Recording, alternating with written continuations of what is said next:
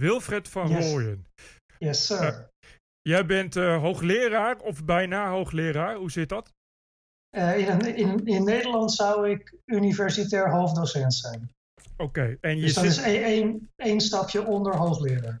en je zit in Japan nu. Ja, Aan welke universiteit? de s- universiteit in Fukui. Eh, waar ligt dat? Eh, ja, als, Japan is een beetje een banaan. En wij zitten hal- halverwege de banaan aan de noordkust, ongeveer 100 kilometer ten noorden van Kyoto. Oké, oké. Wat doe je daar? Ik ben eh, associate professor eh kernreactorfysica. Kernreactorfysica. Ik vind, dit Ja. heel, ik vind dit mooi. Ik wist namelijk, totdat jij mij mailde vorige week, niet dat er ook hoogleraren kernreactorfysica bestaan. Fysica had ik wel eens van gehoord. Eh, Aha. Kernreactorfysica, dat is voor mij helemaal nieuw. Dat het ook echt een apart vakgebied is. Eh, jij stuurde mij eh, jouw eh, promotieonderzoek. Of Hoe zeg ik dat? Ja, je, je dissertatie. Aha. Ik kwam niet verder dan de titel. Dat ging in het Engels, geloof ik, over het koelen van kernreactoren met gas. Heb ik dat zo goed? Dat heeft u helemaal goed. En toen dacht ik, ik haak weer af. Dus kun je voor alle andere leken, net als ik, eh, ongeveer uitleggen wat eh, ja, jouw werk en jouw onderzoeksveld zo'n beetje inhoudt? Eh, kern, in een kerncentrale maak je energie door uranium te splijten met neutronen. En mijn vakgebied is om de kernreactie te onderzoeken tussen neutronen en, en de, de kernen van, van atomen. En om op die manier een reactor te ontwerpen die werkt op de manier dat je wil dat die werkt. En wat is de manier waarop jij wil dat die reactor werkt? Nou, eh, zoals alle andere, dit- eh, dus in mijn geval eh, voornamelijk voor commerciële toepassingen. Dus dan de, eh, de, voor, ke- kernreactorfysica, je, je kan ook denken aan kernwapens, je kan denken aan eh, transmutatie, je kan denken aan, aan snelle reactoren. Maar in, eh, dus mijn, eh, mijn onderzoek is voornamelijk manieren om kernreactoren te berekenen. Om, om, Eh. om ze zo efficiënt mogelijk te maken. Ja, want een kerncentrale, een kernreactor, het is, je kan geen experimenten doen. Dus je kan niet zeggen, bijvoorbeeld, nou, als ik hier een gaatje boor, dan ontploft de boel. Dat, dat kun je niet proberen. Dus het enige wat je kan doen, is je moet het simuleren met de computer. En mijn onderzoek is om dat soort simulaties te verbeteren, zodat je weet dat als jouw computer zegt van dit gaat er gebeuren, dat dat ook daadwerkelijk is wat er gaat gebeuren. Oké, dus, eh, maar goed, laat ik zeggen, als ik een kerncentrale wil bouwen, dan Ja. wil ik dat zo goedkoop mogelijk, met zo'n hoog mogelijk rendement, dan kan ik jou bellen. Eh, nou, als je een kerncentrale wil bouwen, dan moet je een fabrikant bellen. Ja, nee, nee, maar precies, dat bouwen doe ik, dan, doe ik dan zelf aan de hand van YouTube-video's, geen probleem. Maar ik, ik, de, de, nou ja, de, de, ja, hoe zeg je dat? De, de, de reactor, de manier waarop Ja. die werkt, dan kan ik jou bellen om te zeggen van ik wil dit. Precies. Oké, Precies. Kun je even, want eh, ik denk dat het goed is als je ook even uitlegt hoe een kerncentrale überhaupt werkt. Ik denk dat veel mensen dat ook niet weten. Een kerncentrale werkt in feite min of meer hetzelfde als een elektriciteitscentrale op kolen of gas. Eh, het enige verschil is dat je in plaats van kolen of gas kernenergie gebruikt. Ja, en En dus in de, in de, in de reactor eh, is, heb je nucleaire brandstof, dat is eh, uranium of plutonium. Dan maak je splijtingen. Bij die splijtingen komt energie vrij. mhm, En met die energie maak je stoom. En met de stoom drijf je uiteindelijk een turbine aan en dan een generator. precies. Dus je krijgt hitte, dan gooi je water bij en dan krijg je stoom onder druk. Juist. Ja, dat is wel overigens eh, grappig, of althans is dat grappig, dat het eigenlijk nog steeds op stoom werkt. Nou, dus eh, stoomcyclus is, eh, heeft, heeft veel voordelen omdat water eh, heel eh, nou, voorhanden is en chemisch eh, vrij makkelijk eh, eh, te bewerken is. En het is goedkoop. Ja. En in de afgelopen 150 jaar is de, de stoomcyclus dermate geoptimaliseerd dat je echt heel erg je best moet doen om iets te vinden dat het echt beter doet dan, dan een stoomcyclus. Precies, dus eigenlijk is dat, dat uitvinding van, van, van de stoommachine was eigenlijk wel de uitvinding van het wiel, kun je wel zeggen. Ja. Want dat is nooit meer veranderd. Uh, anyway, je had het, de, die, twee, die twee stoffen die je gebruikt, uranium en plutonium, hè? Mhm. Wat is het verschil tussen die twee? Uh, uranium komt voor in de natuur. Dus uranium kun je, je kan een uraniummijn bouwen. Ja. Dan ga, je, ga je naar de mijn, haal je uranium eruit. Dat moet je dan een beetje verrijken. En dan kun je gebruiken in een kerncentrale. Ja. En tijdens het gebruik in die kerncentrale transmuteert een deel van het uranium naar plutonium. Oké. Dus in een normale centrale, bijvoorbeeld in Nederland uh, is de centrale in Borselen, ja. ongeveer een derde van de energie komt van splijtingen van plutonium. Ja. En dat plutonium, dat, dus je begint, in het begin heb je 100% uranium. Ja. En naarmate, je dan, uh, naarmate de tijd vordert, wordt het gedeeltelijk plutonium en dat gaat ook splijten. Ja. Maar goed, dus om, om, uh, om plutonium. Uh, je hebt dus eerst altijd uranium nodig. Je kan dus niet plutonium ergens vandaan halen. Nou, niet in de natuur. Nee, precies. precies. En, okay. en bijvoorbeeld, bijvoorbeeld voor, voor kernwapens kun je speciale productiereactoren bouwen om plutonium voor kernwapens te, te produceren. Maar wat is dan het voordeel van plutonium boven uranium? Weet je, als ik, een kern, als ik een kernwapen bouw, waarom moet daar plutonium in, überhaupt? Omdat, uh, omdat je met plutonium kun je een veel kleiner wapen bouwen dan met uranium. Aha, dus... Dus, dus okay. voor, voor uranium heb je ongeveer 45 kilo hoogverrijkt uranium nodig. En voor een plutoniumwapen heb je maar iets van 5 kilo uh, plutonium nodig. Ja, en, en... en dat, uh, dat betekent dat je een, je kan een kernwapen, een plutoniumwapen, kun je maken zo groot als een tennisbal. Ja, precies. precies. Dus je kan dan, uh, dat kan het dus in de top van een raket. Juist. Ja, ik, ik begrijp overigens dat zijn uh, grote bommen zijn waterstofbommen en dat is dan weer een andere reactie dan zeg maar de normale atoombom zoals we die kennen van Hiroshima, niet waar? Ja, dat, dat klopt. Oké. Okay. Um, hoeveel, wat, um, ja, wat kost het bouwen van een beetje kerncentrale? Nou, dat is een hele goede vraag en dat is, een hele goede, dat is ook af, afhankelijk van, van waar je dat doet. Maar zeg, laten we zeggen. Zeg laten we zeggen, destijds of anno nu? Als je hem nu zou bouwen. Ik weet 5 niet, miljard euro. 5 miljard. En hoeveel, hoeveel uh, stroom komt daar dan uit? Nou, uh, als, je nu, als je nu een EPR zou bouwen, dan heb je het over anderhalf gigawatt aan e elektriciteit. Ja. Dus dat, ja, hoeveel dat als percentage van de Nederlandse energievoorziening zou zijn, weet ik niet. Maar uh, dat is een stuk groter dan de huidige centrale in Borselen. Oké. Okay. Maar goed, dan, dan, dan, je kan dan niet heel Nederland. Nee, nee, nee. nee. Je hebt dat, Ja, dat is, hoeveel dat- heb je er nodig? heel- Als je heel Nederland zou willen voorzien, qua, qua kerncentrales van Borselen, hoeveel kerncentrales van Borselen heb je dan nodig, ongeveer? Nou, het, het, het, eh, het getal dat wat altijd rondging was dat, het, dat Borselen ongeveer 4% van de Nederlandse productie was. Oh, Dus dat, dus, dat, dus dat betekent dat je ongeveer 25 reactoren nodig hebt. Maar Borselen is, is vrij oud en is vrij klein. Dus als je tegenwoordig grotere centrales, eh, grotere reactoren zou bouwen, dan heb je er misschien 15 nodig. oké. Maar goed, dat is dan Maar 15 keer 5 miljard. ja, Dat, dat gaat heel hard. Dat is een dure grap. Ja, is een dure eh, grap. dat- Maar hoe, juist. hoe lang doen we daarmee? Eh, voor kerncentrales, eh, normaal gesproken, de economische levensduur is normaal gesproken 40 jaar. Hmm. In, in de praktijk komt het erop neer dat, dat de, de centrales die destijds gebouwd zijn, dermate over, over-engineerd zijn dat je er al wel 60 jaar mee kunt, mee kunt draaien. Oké. Maar, maar dus laten we zeggen, voor, de, voor, de, voor het financiële plaatje. ehm, het financiële plaatje wordt zo gemaakt dat in 30 jaar heb je alle leningen afgelost. Ja, En dan heb je nog ongeveer 10 jaar om daadwerkelijk een beetje winst te maken, om je investeerders eh, mee af te betalen. En vervolgens moet je gaan sparen voor de ontmanteling. oké. Wat, kost, wat kost de ontmanteling dan? Oh, ik heb, ik, heb, ik heb werkelijk geen idee. Dat is een heel ander vakgebied. Maar, dat, ook eh, miljarden.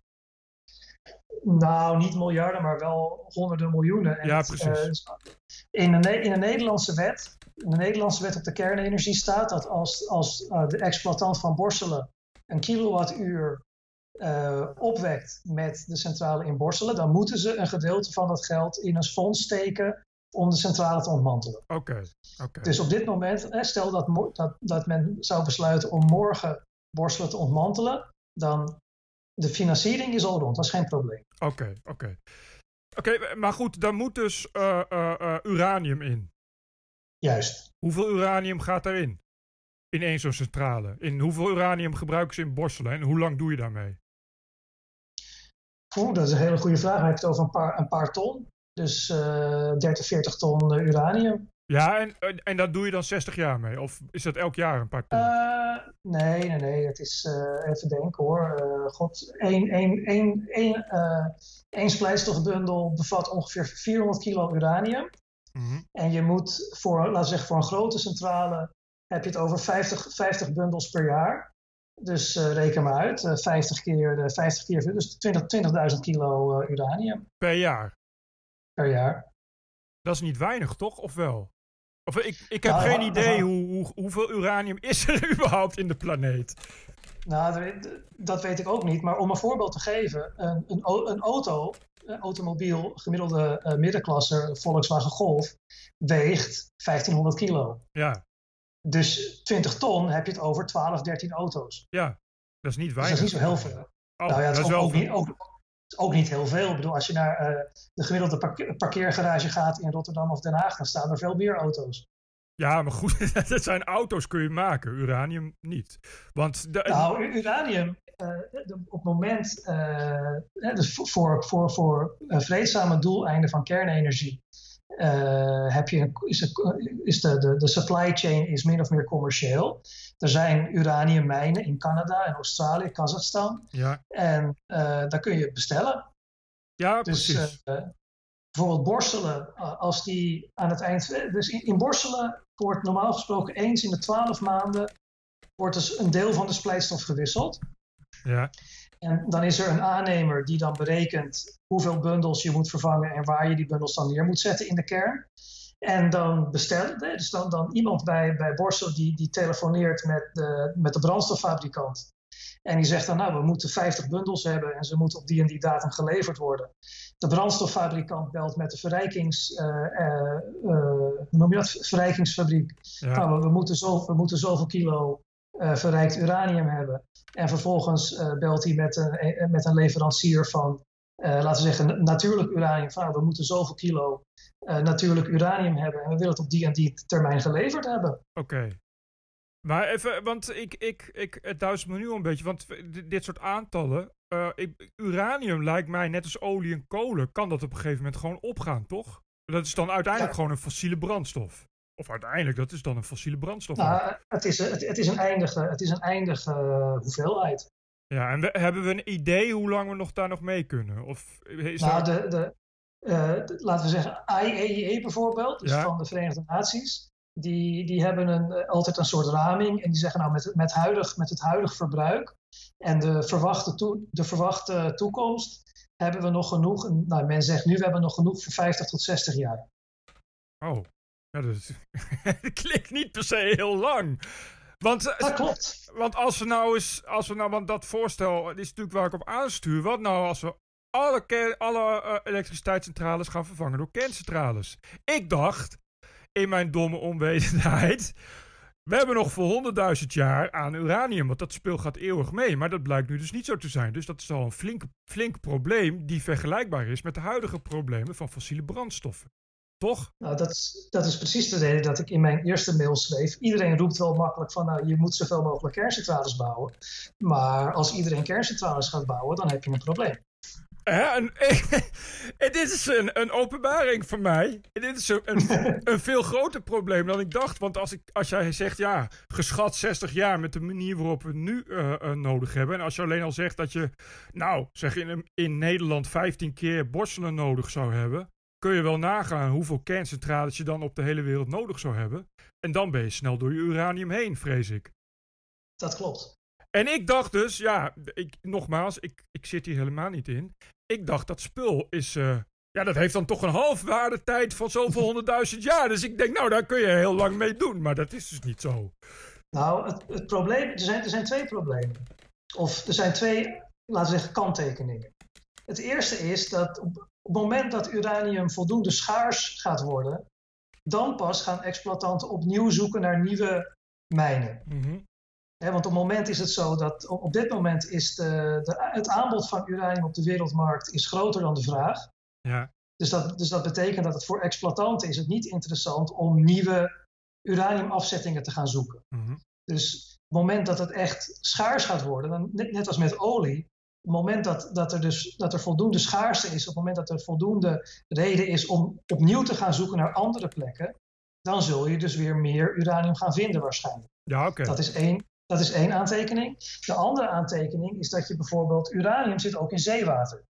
Hmm. In hele lage concentraties, maar het zit er wel degelijk in. En je kan uh, via een soort uh, chemische processen kun je dat uranium uit het zeewater winnen. En als, als dat zou lukken, dan heb je wel over, voor duizenden jaren genoeg uranium. Oké.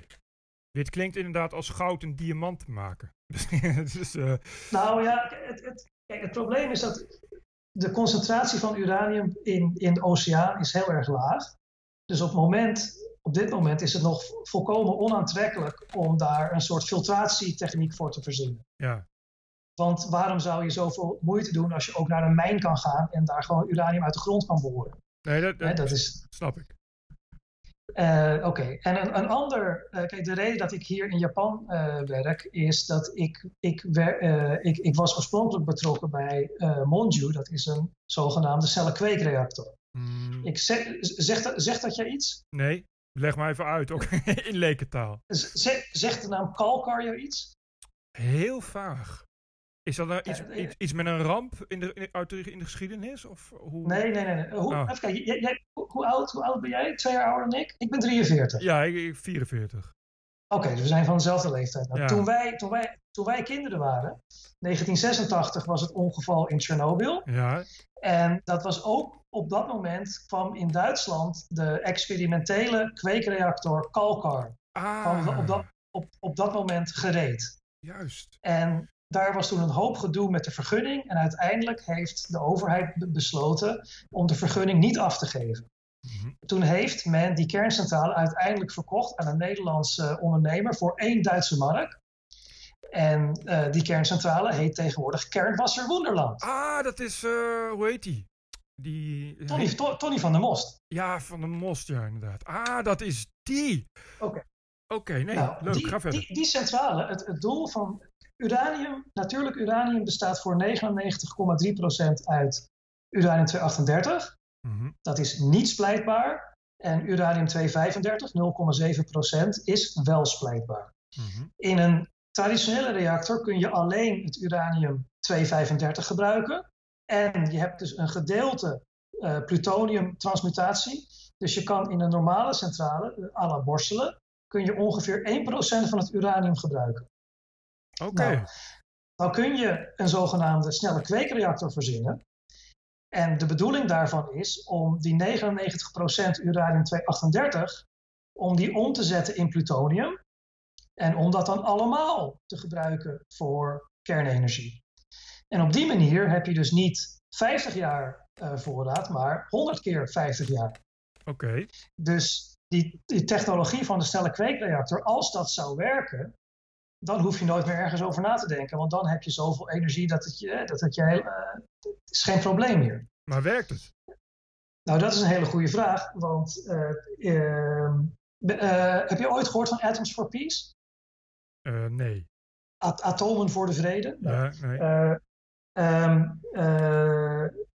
dus in 1945 was in de Verenigde Staten hebben ze kernwapens gebouwd. Ja, En, en dus ook de hele infrastructuur, kernreactoren en eh, afscheidingstechnologie en dergelijke.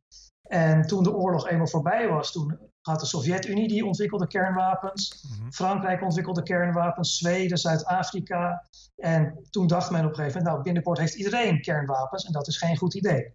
Dus in 1952 heeft president Eisenhower bij de Verenigde Naties een toespraak gehouden. Dat heet, die toespraak heet Atoms for Peace. Mhm. En toen beloofden de Verenigde Staten dat ze gratis de eh, nucleaire technologie beschikbaar stelden aan iedereen die het wilde, mits voor vreedzame toepassingen. Mhm. En op dat, dus dat is 60 jaar geleden, 60, 70 jaar geleden. En op dat moment wist iedereen, als we met z'n allen kernenergie gaan gebruiken, dan is er nooit genoeg uranium, dus we moeten snelle kweekreactoren bouwen. Mhm. Dus de hele wereld is al 70 jaar bezig om snelle kweekreactoren te bouwen en het werkt nog steeds niet. Waarom niet? Omdat de technologie niet zo simpel is als je denkt. Nee, dat, dat, geloof, dat geloof ik meteen. maar eh, ik bedoel, als ze er al 70 jaar mee bezig zijn. Nou ja, kijk, het, eh, er zijn bijvoorbeeld in Frankrijk was een groot. Ten eerste, voor, voor, eh, voor, voor kernenergie heb je een grote infrastructuur nodig. Je Ja. moet ura- uranium eh, mijnen hebben, je moet verrijkingstechnologie hebben, Ja, je moet kernreactoren hebben, dan moet je het afval moet je ergens gaan opslaan, ja, eventueel, eventueel afscheiden. Dus je kan niet alleen een centrale bouwen, je moet die hele infrastructuur die moet je op poten zetten. ja. Nou, in 1950 was er nog helemaal niets op deze wereld. Maar landen als Frankrijk en Duitsland en het Verenigd Koninkrijk. In 1950 was er nog geen idee van de hoeveelheid aardolie in Saudi-Arabië. Of Venezuela of Nigeria. Hmm. Dus iedereen dacht: binnen de kortste keren hebben we geen energie meer, we moeten nu wat gaan doen. Mhm. Dus er waren grote nationale programma's om snelle kweekreactoren te bouwen. In Duitsland eh, ging dat met eh Kalkar tot Ja. in de jaren 80. In Frankrijk had men eh Phoenix en Super Phoenix. ja. In Engeland, in het Verenigd Koninkrijk, was eh, eh, PFR, DFR, waren twee testreactoren. Nou, in de praktijk kwam het erop neer dat er was meer aardolie dan we dachten, meer kolen dan we dachten. Uranium was veel meer voorhanden dan we dachten. Verrijkingstechnologie bleek veel goedkoper dan we verwacht hadden. Dus er was geen enkele economische reden om nog voor kweekreactoren te kiezen. Oké. Dus de, het is stilgelegd, min of meer. Juist, juist. Dus de, nationale, overheid, nou, eh, nationale overheden, om te investeren in, in een bepaald soort technologie, dat moet je uitleggen aan de bevolking. Als de Nederlandse overheid investeert in een windmolenpark van Bert Brussens belastinggeld, Mhm. dan wil jij weten waarom is het verstandig dat mijn belastinggeld wordt gebruikt voor windmolens en niet voor iets anders. Exact. Nou, in de loop van de jaren 70 bijvoorbeeld werd het voor overheden het werd steeds moeilijker om uit te leggen dat je moet investeren in kernenergie, omdat, laten we zeggen, de publieke opinie eh, werd steeds, steeds kritischer. Eh, niet alleen voor kernenergie, maar voor alle vormen van, van, van technologie. Dat in de jaren 70 heb je het o- hè, bijvoorbeeld eh, in de jaren 70 heb je het over vliegtuiglawaai en eh, eh, hoe noem je dat? Eh, vervuiling van de rivieren eh, uitlaatgassen, drijfgassen, CFK's. Op, dat in, in, in een periode van 20, 25 jaar werden dat allemaal problemen waar, waarvan niemand had verwacht dat het ooit een probleem zou worden. En voor overheden wordt het dus steeds moeilijker om uit te leggen van nou, we investeren wel in deze technologie en niet in een andere technologie. En zeker met Chernobyl, nou, toen was het, zeker, was het zeker in Europa was het niet langer uit te leggen van nou dit is een goed idee. Precies. Nou ja, en op het moment, het was op dat moment commercieel niet aantrekkelijk om met snelle reactoren verder te gaan. Dus laten we zeggen, eh, be- ondernemingen als Siemens en Areva en Rolls-Royce, dat- dus die kerncentrales bouwen, ja, die zeiden gewoon van nou ja, eh, het heeft geen zin, want het, er is geen markt. Ik snap het. En, maar waarom zit je nu in Japan? Daar hebben ze nog wel eh, snelle kweekreactoren. Nou, ik, toen ik hier tien jaar geleden aankwam, toen was er nog, toen was Monju was, eh, als project was nog bezig, maar helaas is dat ook twee jaar geleden eh, afgeschoten en we zijn Oh. nu bezig. Ja, want het probleem is dat hier is natuurlijk hetzelfde als, als in Europa, zeker met Fukushima. Ja, precies. Het is, het is niet langer uit te leggen aan, aan de Ja. bevolking dat de nationale overheid van ieders belastinggeld moet investeren in kernenergie. Nee, dat, dat snap ik. Maar ik, ik- heb je, wat doe je nu dan? Want je bent daar gaan zitten kennelijk voor eh, om die reden. Maar dat is dus ook opgehouden. Juist. Nou, ik zit hier, ik ben, eh, mijn, mijn vakgebied is kernreactorfysica. En bijvoorbeeld mijn, mijn afstudeerders, studenten die bij mij afstuderen, Die werken voor uh, aannemers. Er zijn elektriciteitsbedrijven in Japan die hebben kerncentrales. Ja. Die kerncentrales die moeten bijvoorbeeld ieder jaar moet daar nieuwe brandstof in. Mm daar moet je dus berekenen hoeveel brandstof en waar je dat moet neerzetten. Nou, mijn studenten weten, die, ik leer mijn studenten hoe je een kernreactor moet berekenen, zodat het ding doet wat je verwacht dat hij doet. Ja. En dat, uh, laten we zeggen, dat, dat soort werk, dat is er voorlopig nog wel. Ja, maar goed. Maar, dat, maar dat, dat, ja, goed, maar dat onderzoek uh, uh, naar die snelle kweek ligt dus een beetje stil, nagenoeg over de hele wereld. Dat ligt zo goed als stil over de hele wereld. En is dat verdrietig? Want ja, ik, als ik jou zo hoor, heb ik het idee dat daar nog wel ja, eigenlijk iets in zat. Nou, ik, ik denk dat daar zeker iets in zit. En als, als het aan mij ligt, zou ik zeggen, je moet morgen ja, beginnen met zo'n met, met zo'n met zo'n ding te bouwen. Maar dat is allemaal niet zo simpel, want de vraag is, ik zit zelf, uh, ik heb er inmiddels min of meer vrede mee dat er in, in mijn leven waarschijnlijk geen nieuwe kerncentrales meer worden gebouwd. En ik vind dat heel jammer. Ik zou het liefst morgen een fabrikant opbellen en zeggen: we gaan gezellig een kerncentrale bouwen. Ja. Maar de vraag is: hè, waar ga ik bijvoorbeeld als ik Mitsubishi bel en ik zeg tegen Mitsubishi: Nou, ik, wil een, ik heb een project om een, laten we zeggen, geavanceerde reactor te bouwen. Dan zegt Mitsubishi: Nou, op, de, op dit moment ligt de markt voor kerncentrales helemaal stil.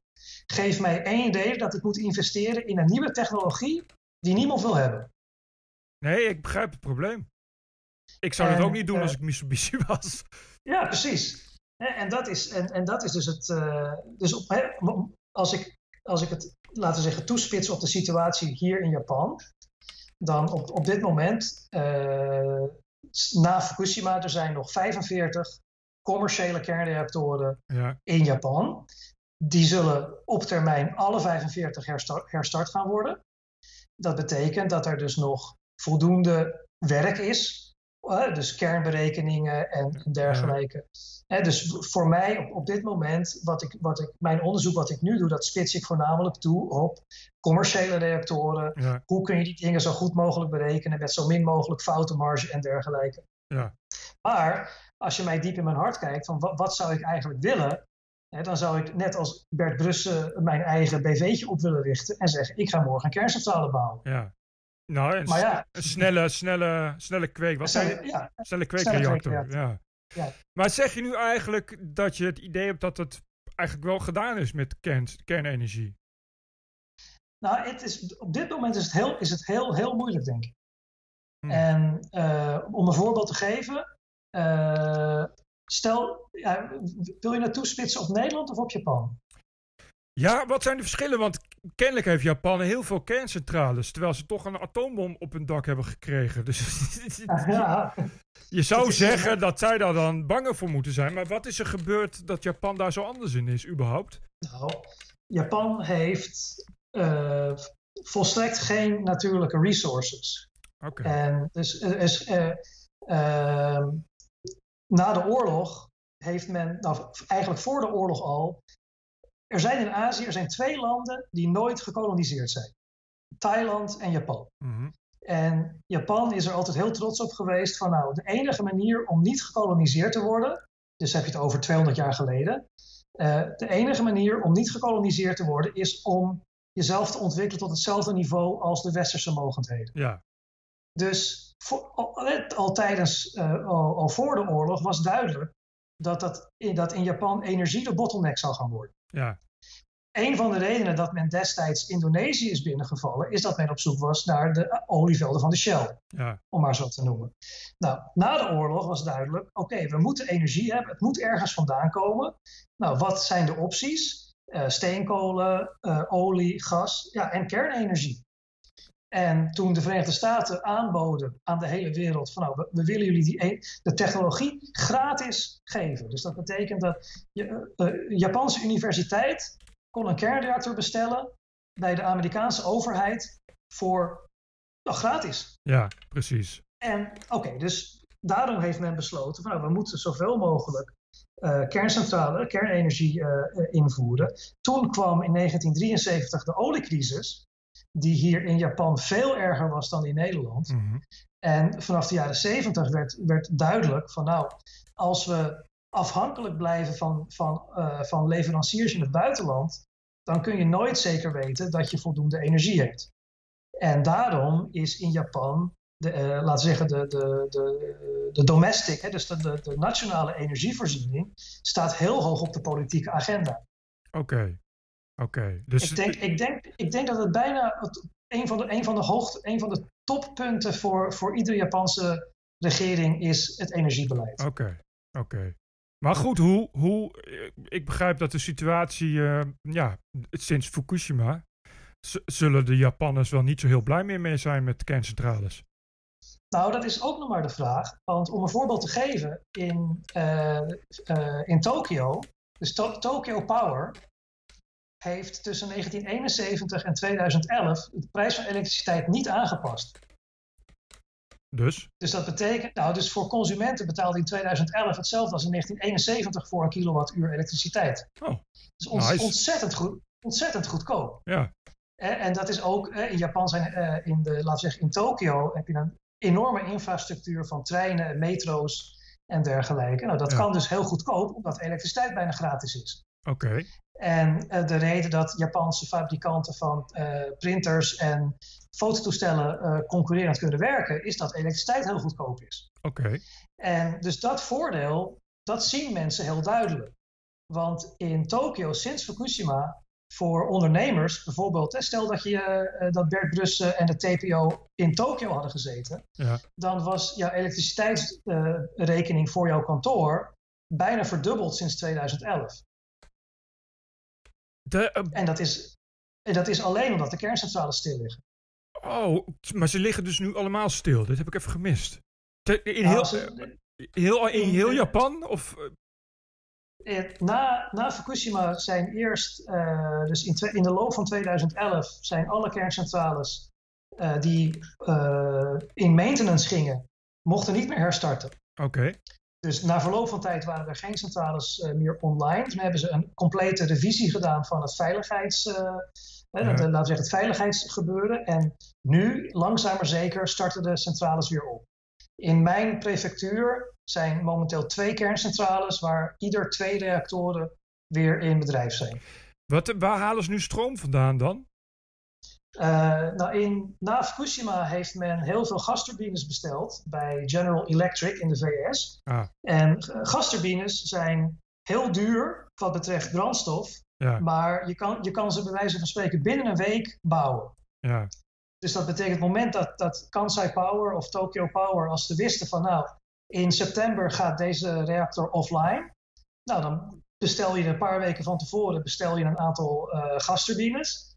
En dan zet je die neer en dan ga je, laat je die draaien. Maar het, uh, de, de, brandstof, aardgas, is vrij duur. Precies. Dus dat betekent dat je op termijn moet je dan de prijs van de kilowattuur moet je langzaam maar zeker ophogen. Nee, want anders, anders blijf je steeds uh, geld verliezen. Maar, nogmaals, ik, sinds, ik neem aan dat Fukushima toch wel veel heeft veranderd. Ook in de perceptie van de Japanners. Ondanks dat het dus inderdaad bijna gratis stroom allemaal levert. Ja, die zullen wel bang zijn geworden. Ik kan me herinneren dat ik uh, zelf ook heel bang was na, uh, na Tsjernobyl. En uh, die, Mhm. ang die angst bestaat nu nog steeds overal. Dus ik kan me heel goed voorstellen dat dat in Japan ook zo is. Ja, dat is ook zo. En het, om een voorbeeld te geven. het, iedere keer als er nu een, een, een, reactor een nieuwe vergunning krijgt, dan kun je er donder op zeggen dat er een rechtszaak van komt. Juist. Want er zijn, er zijn, er allerlei uh, N, NPO's, non-profit organizations. Uh, en die gaan naar de rechtbank en die zeggen dan van nou, dit klopt niet of dat klopt niet. En dan wordt kort geding en dan wordt het hoger beroep en dan bla bla bla bla. En dat, dus ja, dat is hier is het een stuk moeilijker geworden ja. dan, uh, dan tien jaar geleden. Ja. Goed, maar ik, ik, ik, ik denk dat het, dat het safe is om te zeggen dat we voorlopig wel kunnen fluiten naar, naar kernenergie dan. En ook in, in, in, sowieso in, in Nederland, Nederland, ja. Nou ja, kijk, in Nederland, als we de situatie toespitsen op, uh, op, op Nederland. Uh, ten eerste, uh, in, in Nederland is het elektriciteitsverbruik in Nederland is vrij laag. Ja. Uh, in Nederland is 20% van het totale, het totale verbruik is elektriciteit. En dat is in vergelijking met andere landen, dat is heel laag. Ja. Want in Nederland gebruik je, gebruikt men veel aardgas. voor verwarming en dergelijke. Mhm. Dus zelfs als je in Nederland alle elektriciteit ombouwt op kernenergie, dan nog heb je 80% van de energie die niet elektrisch is. En dan moet je je afvragen, wat ga je daarmee doen? Inderdaad. Ja. Want, Dus dat, dat, dat, dat, dat, dat is vraag 1. En vraag 2 is, stel dat je morgen, hè, stel dat eh, eh, de exploitant van Borselen eh, morgen zou besluiten van nou, we willen een nieuwe, we willen een tweede reactor erbij bouwen. Nou, dan moet je een vergunning gaan aanvragen. ja, in Nederland op dit moment is geen expertise om zo'n vergunning te, te doen. Dus dat betekent dat je bij het ministerie van Economische Zaken en dergelijke, die moeten dan naar bijvoorbeeld de Franse autoriteiten om te vragen hoe doen jullie dat? En dat kost tijd. ja, Ja, maar, dat, ja, maar goed, er is op dit moment in Nederland is er al sinds 1971 is er geen nieuwe centrale meer, geen nieuwe vergunning meer aangevraagd. nee, Dus, precies. alle, Maar, hè, dus dat is een praktisch probleem. Dat kost, dat, dat kost je gewoon eh, een paar jaar om, om die know-how weer op te bouwen. maar, nog, maar nog los daarvan, ik denk dat ze die vergunning niet krijgen. Ik bedoel, er zijn te veel, er is volgens mij te veel pressie überhaupt tegen een kerncentrale. Nou, dat is een hele goede vraag. En dat is, dat is precies het risico eh, voor een exploitant. Want eh, om, een, eh, om een voorbeeld te geven, in Nederland zijn geloof ik, er zijn vijf of zes plaatsen gereserveerd in de wet op de kernenergie. Dat zijn locaties om kerncentrales te bouwen. Hmm. Dat zijn, eh, dat, die locaties, één daarvan is Borselen, een andere is in Noord-Groningen. Eh, en er zijn vijf of zes plaatsen in het hele land. En stel dat je dan besluit van ik wil een reactor bouwen, dan moet je een paar jaar, nou je moet voorbereidend werk doen. Dus je moet kijken, is de grond voldoende stevig? Is de waterstand voldoende? Eh, dergelijke dingen. Nou, dat kost een jaar of twee jaar. Dan moet je geld aan uitgeven. Ja, Nou, dan heb je dat geld uitgegeven. Als je dan niet, als je dan niet zeker weet of je een vergunning kan krijgen, dan zegt een exploitant, ja, waarom zou ik eraan beginnen? nee, ik, ik begrijp het probleem. Het, ik- ik- ik- ik- En, en, ook, en ook daarvoor geldt, eh, de vraag is in hoeverre de overheid, want je hebt dus de overheid als vergunningsverlener. En daarnaast heb je maatschappelijke organisaties als nou, bijvoorbeeld eh, Greenpeace of eh Precies. Wereld Natuurfonds Urgenda, en Urgenda. En dan is dus nog maar de vraag, hè, zelfs als de overheid uiteindelijk ja zegt en er komt een rechtszaak van, dan kan dat dus een hele slepende procedure worden. exact. Exact, dat En- is... Maar goed, er zijn al eh, überhaupt een miljoen redenen waarom eh, eh, eh, mensen dat niet gaan doen. Eh, en nou ja, zoals jij het net vertelde, zie ik dat dus ook niet voor me. Wat, wat, en ik deel, maar ik deel dus tegelijk met jou het, verdriet. Want dat is natuurlijk waar, waar, waar we vandaan kwamen. De gedachte ehm, dat het eventueel zou kunnen werken. Want als het werkt, stel dat er ehm, ehm, die snelle kweekreactoren, dat die gewoon werken. Dan zouden we dus in principe ja, vrijwel oneindig goedkoop elektriciteit kunnen maken. Ja, En daar zit natuurlijk wel nog met andere aspecten, zoals bijvoorbeeld veiligheid en afval. Hoe zit het daarmee? Nou ja, wat- dingen, ja, wat mij betreft, veiligheid en afval, dat zijn moving targets. Hoe bedoel dus je op dat? het moment dat je. Dat zijn moving targets voor, voor laten we zeggen, de anti-kernenergielobby. Ja, Op, het mo- op het moment dat je, bij wijze van spreken, dat je de veiligheid verbetert. Het moment dat je, dat, dat je dus niet meer redelijkerwijs kan zeggen dat de veiligheid een probleem is, dan is opeens het afval een probleem. En ja, als je dan aangeeft van nou, het, eh, als je dan aangeeft van nou, we kunnen eh, op redelijke gronden aannemen dat je dat afval kan isoleren, dat het, dat het niet meer terugkomt naar de, naar de oppervlakte, mhm. dan is het opeens terrorisme. ja En precies. hè, dus het moment dat je, dat, je begint, eh, dat je begint te praten over dingen als veiligheid en afval en terrorisme en, en supply chain management en dat soort dingen, eh, dan, dan, dan heb je het over een moving target. Maar is het, niet, is het niet een reëel probleem? Nou, kijk, een kerncentrale is, is, in, die, is in die zin een, een reëel probleem. Want als het goed gaat, is er geen enkel probleem. Als het fout gaat, heb je een groot probleem. En, eh, ja, maar dus la- laten we zeggen, bijvoorbeeld, kijk, een technologie is niet, bestaat niet in een vacuüm. Dus bijvoorbeeld voor smartphones moet je een infrastructuur bouwen. Je moet die antennes bouwen om Ja. G5-netwerk uit te rollen. Nou, als één zo'n antenne omvalt, dat is vervelend, maar dat is geen ramp.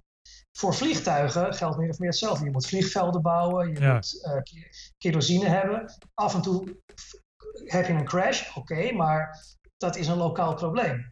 Ja. Kerncentrales zijn, zijn anders in die zin dat het ten eerste in tijd een heel langdurig probleem kan worden. Want Fukushima gaat 30 jaar duren, misschien langer. En ook de, laten we zeggen, de, de, de, de rijkwijde. Ja. In, in Fukushima heb je het over een paar honderd vierkante kilometer. Dus eh, laten we zeggen eh 10 bij 10 of 20 bij 20 kilometer. Ja. Nou, het probleem is dat voor- bijvoorbeeld mijn eigen huis ligt in de eh, eh, evacuatiezone van twee kerncentrales. nou, als er morgen in een van die centrales een ongeluk gebeurt à la Fukushima Ja. en ik ben niet thuis op dat moment, dan mag ik nooit meer naar huis. Nee, precies. Of, of, Dat betekent dus honderd- ook over honderdduizend jaar of zo. Een beetje dat nou idee. ja, in- het, in het geval van Fukushima, in het, in het eh, uiterste geval, 30 jaar. Oké, dat valt nog Maar maar. dat, maar- ja, maar dat betekent dus wel dat je bijvoorbeeld je trouwfoto's nooit meer zult zien. Nee, ik snap het. Ik snap het. En dat betekent in, eh, dat bijvoorbeeld in Fukushima heel veel mensen hadden hun eh, huisdieren niet meegenomen. Jezus. Ja, die zie je dus nooit meer. Eh, boeren, boerenbedrijven met, met vee.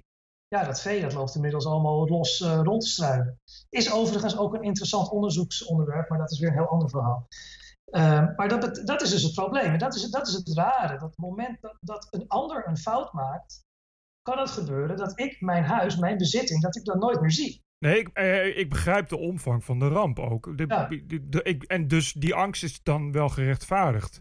Maar ik, ik, vraag aan jou, omdat jij, jij hebt er verstand van. eh, is die angst gere- gerechtvaardigd genoeg om kerncentrales te bouwen? Ik ga deze vraag op twee manieren beantwoorden. Doe voorzichtig. Doe voorzichtig. Nou, Ten eerste, ik, ik zou zeggen, de hu- huidige kerncentrales zijn voldoende veilig.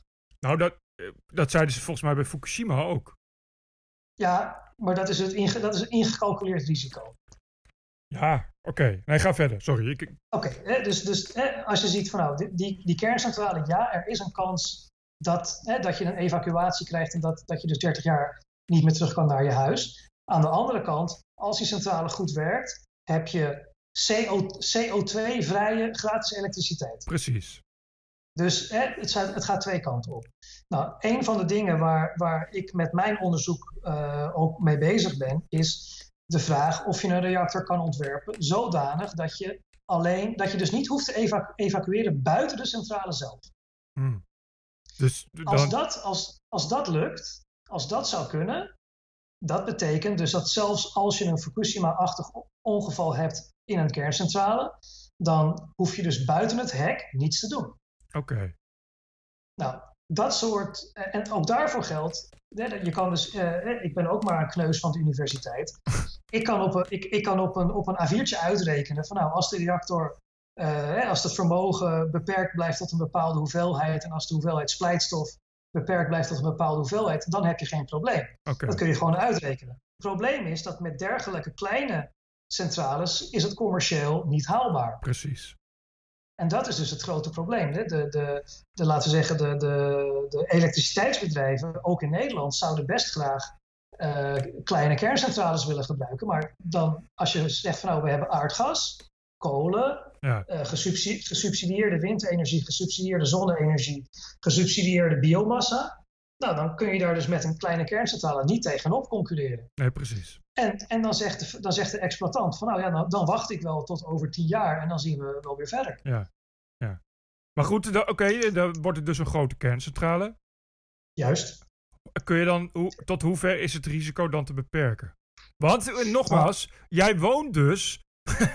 jij hebt dus zeg maar twee kerncentrales in je achtertuin, even breed gezegd. Nou, laten we, niet in mijn achtertuin. De, de evacuatiezone rond een kerncentrale is 30 kilometer. Nee, snap ik. Maar jij, jij, Maar ja, dus technisch gesproken, in, mijn, in de prefectuur waar ik woon, zijn vier kerncentrales. En die hebben eh, vier, vier, drie en twee reactoren. Dus in totaal eh 13 reactoren. ja, En dat is op een gebied, nou ja, dat, onze prefectuur is, nou laten we zeggen, een derde van Nederland. En je- ongeveer. en jij maakt je niet, als je gaat slapen, ben je niet bang. Maak je geen zorgen. Nee, nee. Oké. Nee, maar dat, zie je, want dat is de manier waarop je, waarop je volgens mij maar kunt kijk, zeggen van ja, hoe... punt- Ga je, ga je gang, sorry. Nou, het, het punt is, als ik s'avonds ga slapen, eh, ik woon in een oud huis. Het, waar ik wel over nadenk is aardbevingen. Ja. Want als, ik een aardbe als er een aardbeving komt, dan flikkert mijn huis in elkaar. Dat, dat, dat is gewoon één ding dat ik zeker weet. Ja. En ehm, dat, is een, dat is een reëel, dat is een veel reëler risico. Want aardbevingen hebben we hier in Japan vier per dag gemiddeld. Ja, precies. En de meeste, de meeste zijn heel klein, maar sommige zijn vrij groot. En dat, dat kan dus elke dag gebeuren. En als ik dan, als, uh, we hebben ieder jaar een aantal typhoons. Typhoons zijn ook niet leuk. Um, en als je dan als je kijkt van oh, welke risico's loop je als, als, laat zeggen, als burger in, in je dagelijks leven, dan is het risico van die kerncentrale is heel beperkt. Ja, die is denk ik nihil. Vergeleken met, met... Vergeleken met die andere is, het, is dat heel klein. Ja. En bijvoorbeeld in Nederland, uh, toen ik uh, 15 jaar terug bij de TU uh, met mijn promotie bezig was, toen schermde EPZ, was toen de exploitant van de centrale in Borselen. Ja. En EPZ uh, schermde er altijd mee dat Schiphol duizend keer gevaarlijker was dan de kerncentrale in Borselen. Precies, ja. En dat niemand het ooit over Schiphol had.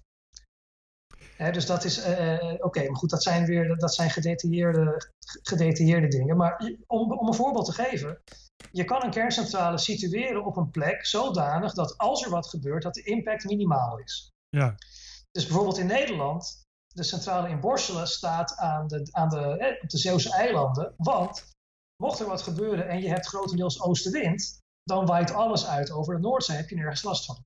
Ja, nou ja, de, nee, nou, in, ieder geval, in ieder geval minder last dan als het landinwaarts komt. Ik snap het. Maar goed, is het niet zo... Uh, uh, ja, ik, ik, ik ken alleen maar uh, alles van Hollywood en zo. Als we een, een meltdown hebben, is het dan sowieso niet voor, voor iedereen dikke shit? Of hoe, hoe, werkt dat? Want dan wordt toch het grondwater aangetast en, en weet ik veel. Of, of valt het allemaal wel... Nee. Want dat is, dat is volgens mij ook... Er is een, een perceptie die mensen al heel lang hebben. Die ook wordt gevoed natuurlijk door de milieubewegingen. Niet geheel ten onrechte omdat we natuurlijk inderdaad uh, uh, Chernobyl hebben meegemaakt. In werkelijkheid is het volgens mij heel anders, toch? In werkelijkheid, een, een kerncentrale heeft, uh, westerse kerncentrale heeft een containment, containment structuur. Dus dat betekent dat zelfs als de boel volkomen smelt, dan is er wel enige release naar de, naar de buitenwereld, maar niet, niet heel veel. Okay. En uh, de reden dat het in, in Fukushima uiteindelijk toch wel vrij veel is geworden, is dat de, uh, ze hebben daar uh, waterstofexplosies gehad. In Tsjernobyl was ook de, de waterstofexplosie in Tsjernobyl was veel groter dan het, dan het kernongeval.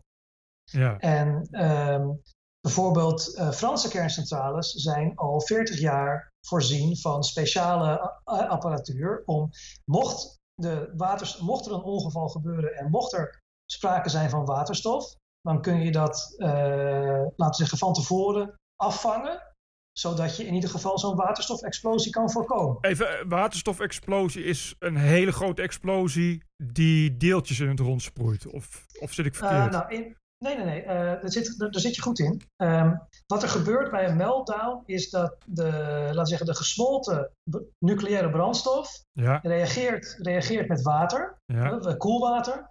En die reactie geeft waterstof en zuurstof.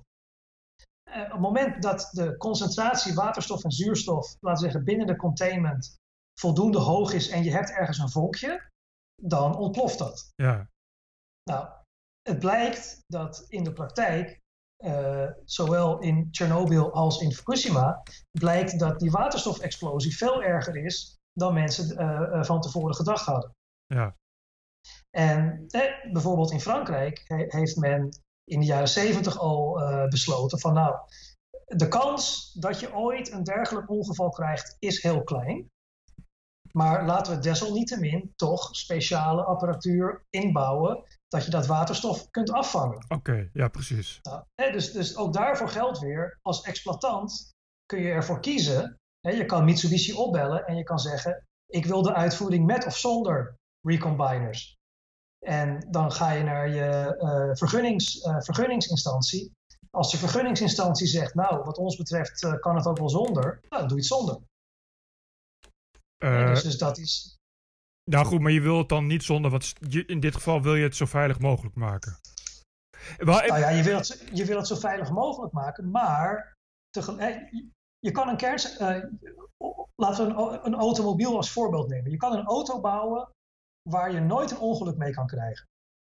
Dat is een auto die maximaal 5 km per uur kan en aan, aan, aan, alle kanten is voorzien van, van enorme air. Ja, precies. Ja, van rubber. Nou, dan kun je zeggen, goed, het is zo veilig als, als mogelijk, maar als automobiel is het volkomen oninteressant. En, ja, en dat geldt voor kerncentrales ook. Je zegt... dat, geldt voor kern, dat geldt voor kerncentrales ook. Je kan een hmm. kerncentrale zo bouwen dat er nooit wat gebeurt, maar ja, dan, dan levert je ook geen elektriciteit, dus dat schiet niet echt op. Oké, oké. Stel nou uh, dat we het veilig kunnen bouwen. Hoe zit het, hoe zit het met het afval? Dat is ook, dat is ook zo'n mythe waar, waar mensen enorme ideeën bij hebben. Maar hoe zit het werkelijk? Nou, ook, ook hier ga ik, ik ga weer twee antwoorden geven. Ja, doe maar weer voorzichtiger. ik, ik, ik doe voorzichtig. Um, ten eerste, als het gaat om kernafval, dan heb je het over een levensduur van, laten we zeggen, een miljoen jaar. Dat afval is een miljoen jaar giftig? gevaarlijk. Oké. Nou, dan, kun je dan, zul je, dan zul je zeggen, een miljoen jaar, dat is hartstikke lang. En dat is ook zo. Maar op, laten we zeggen, als je het vergelijkt met de levensduur van planeet Aarde, is het, is het, is het niks. Nou, we hebben op dit moment aardolie en aardgas. Dat zit onder de grond, dat zit al een paar miljoen jaar. Dat is nooit naar boven gekomen.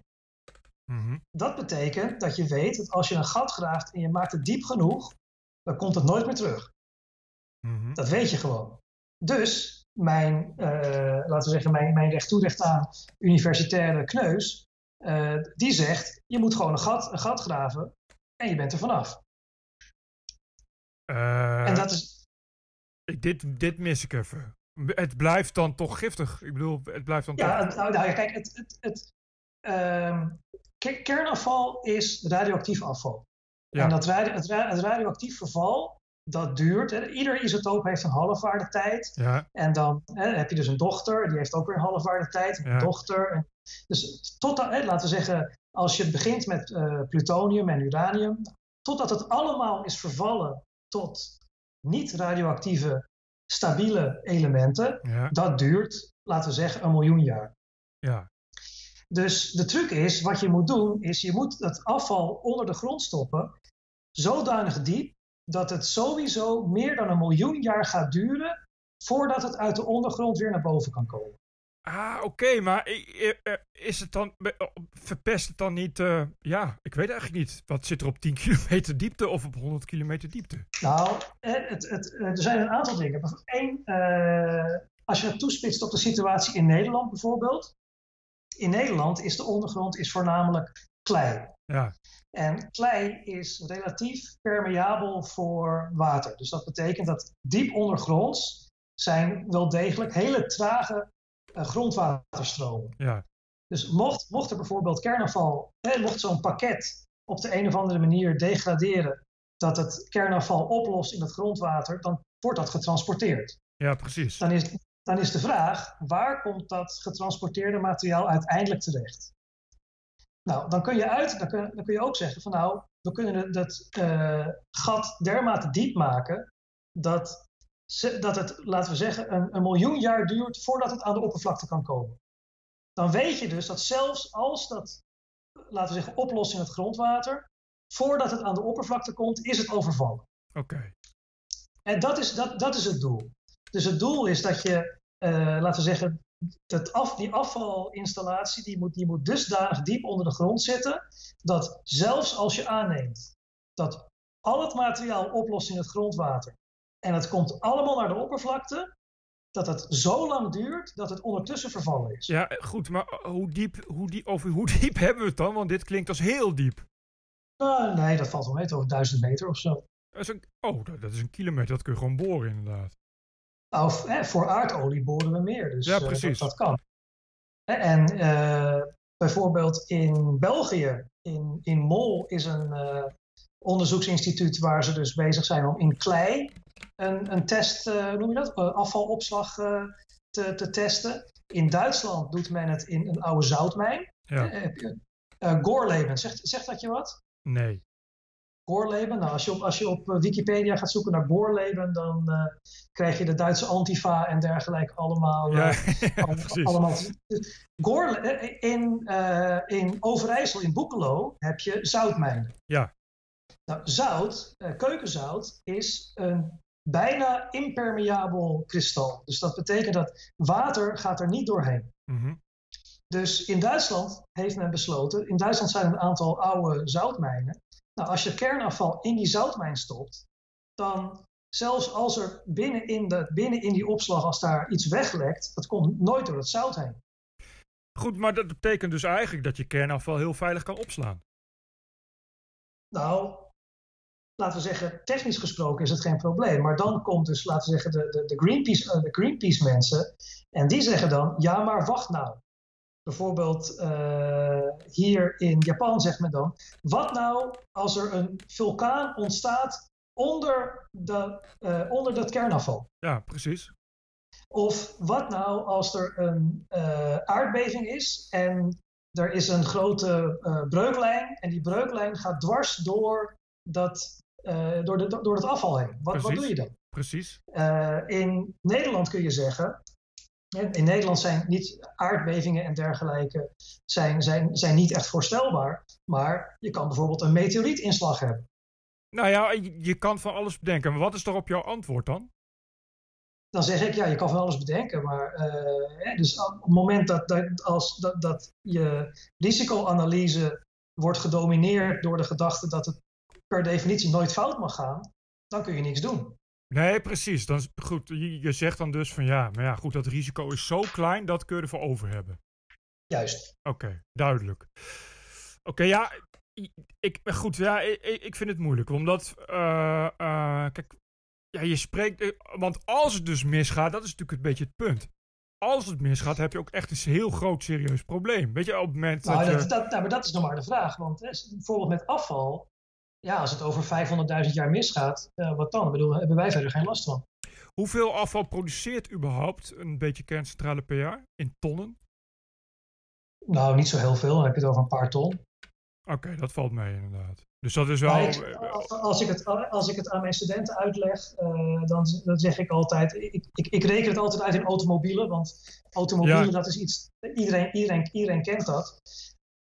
Als je bijvoorbeeld een, een, een vrachtwagen, een dumptruck, eh, voor wegwerkzaamheden. Ja.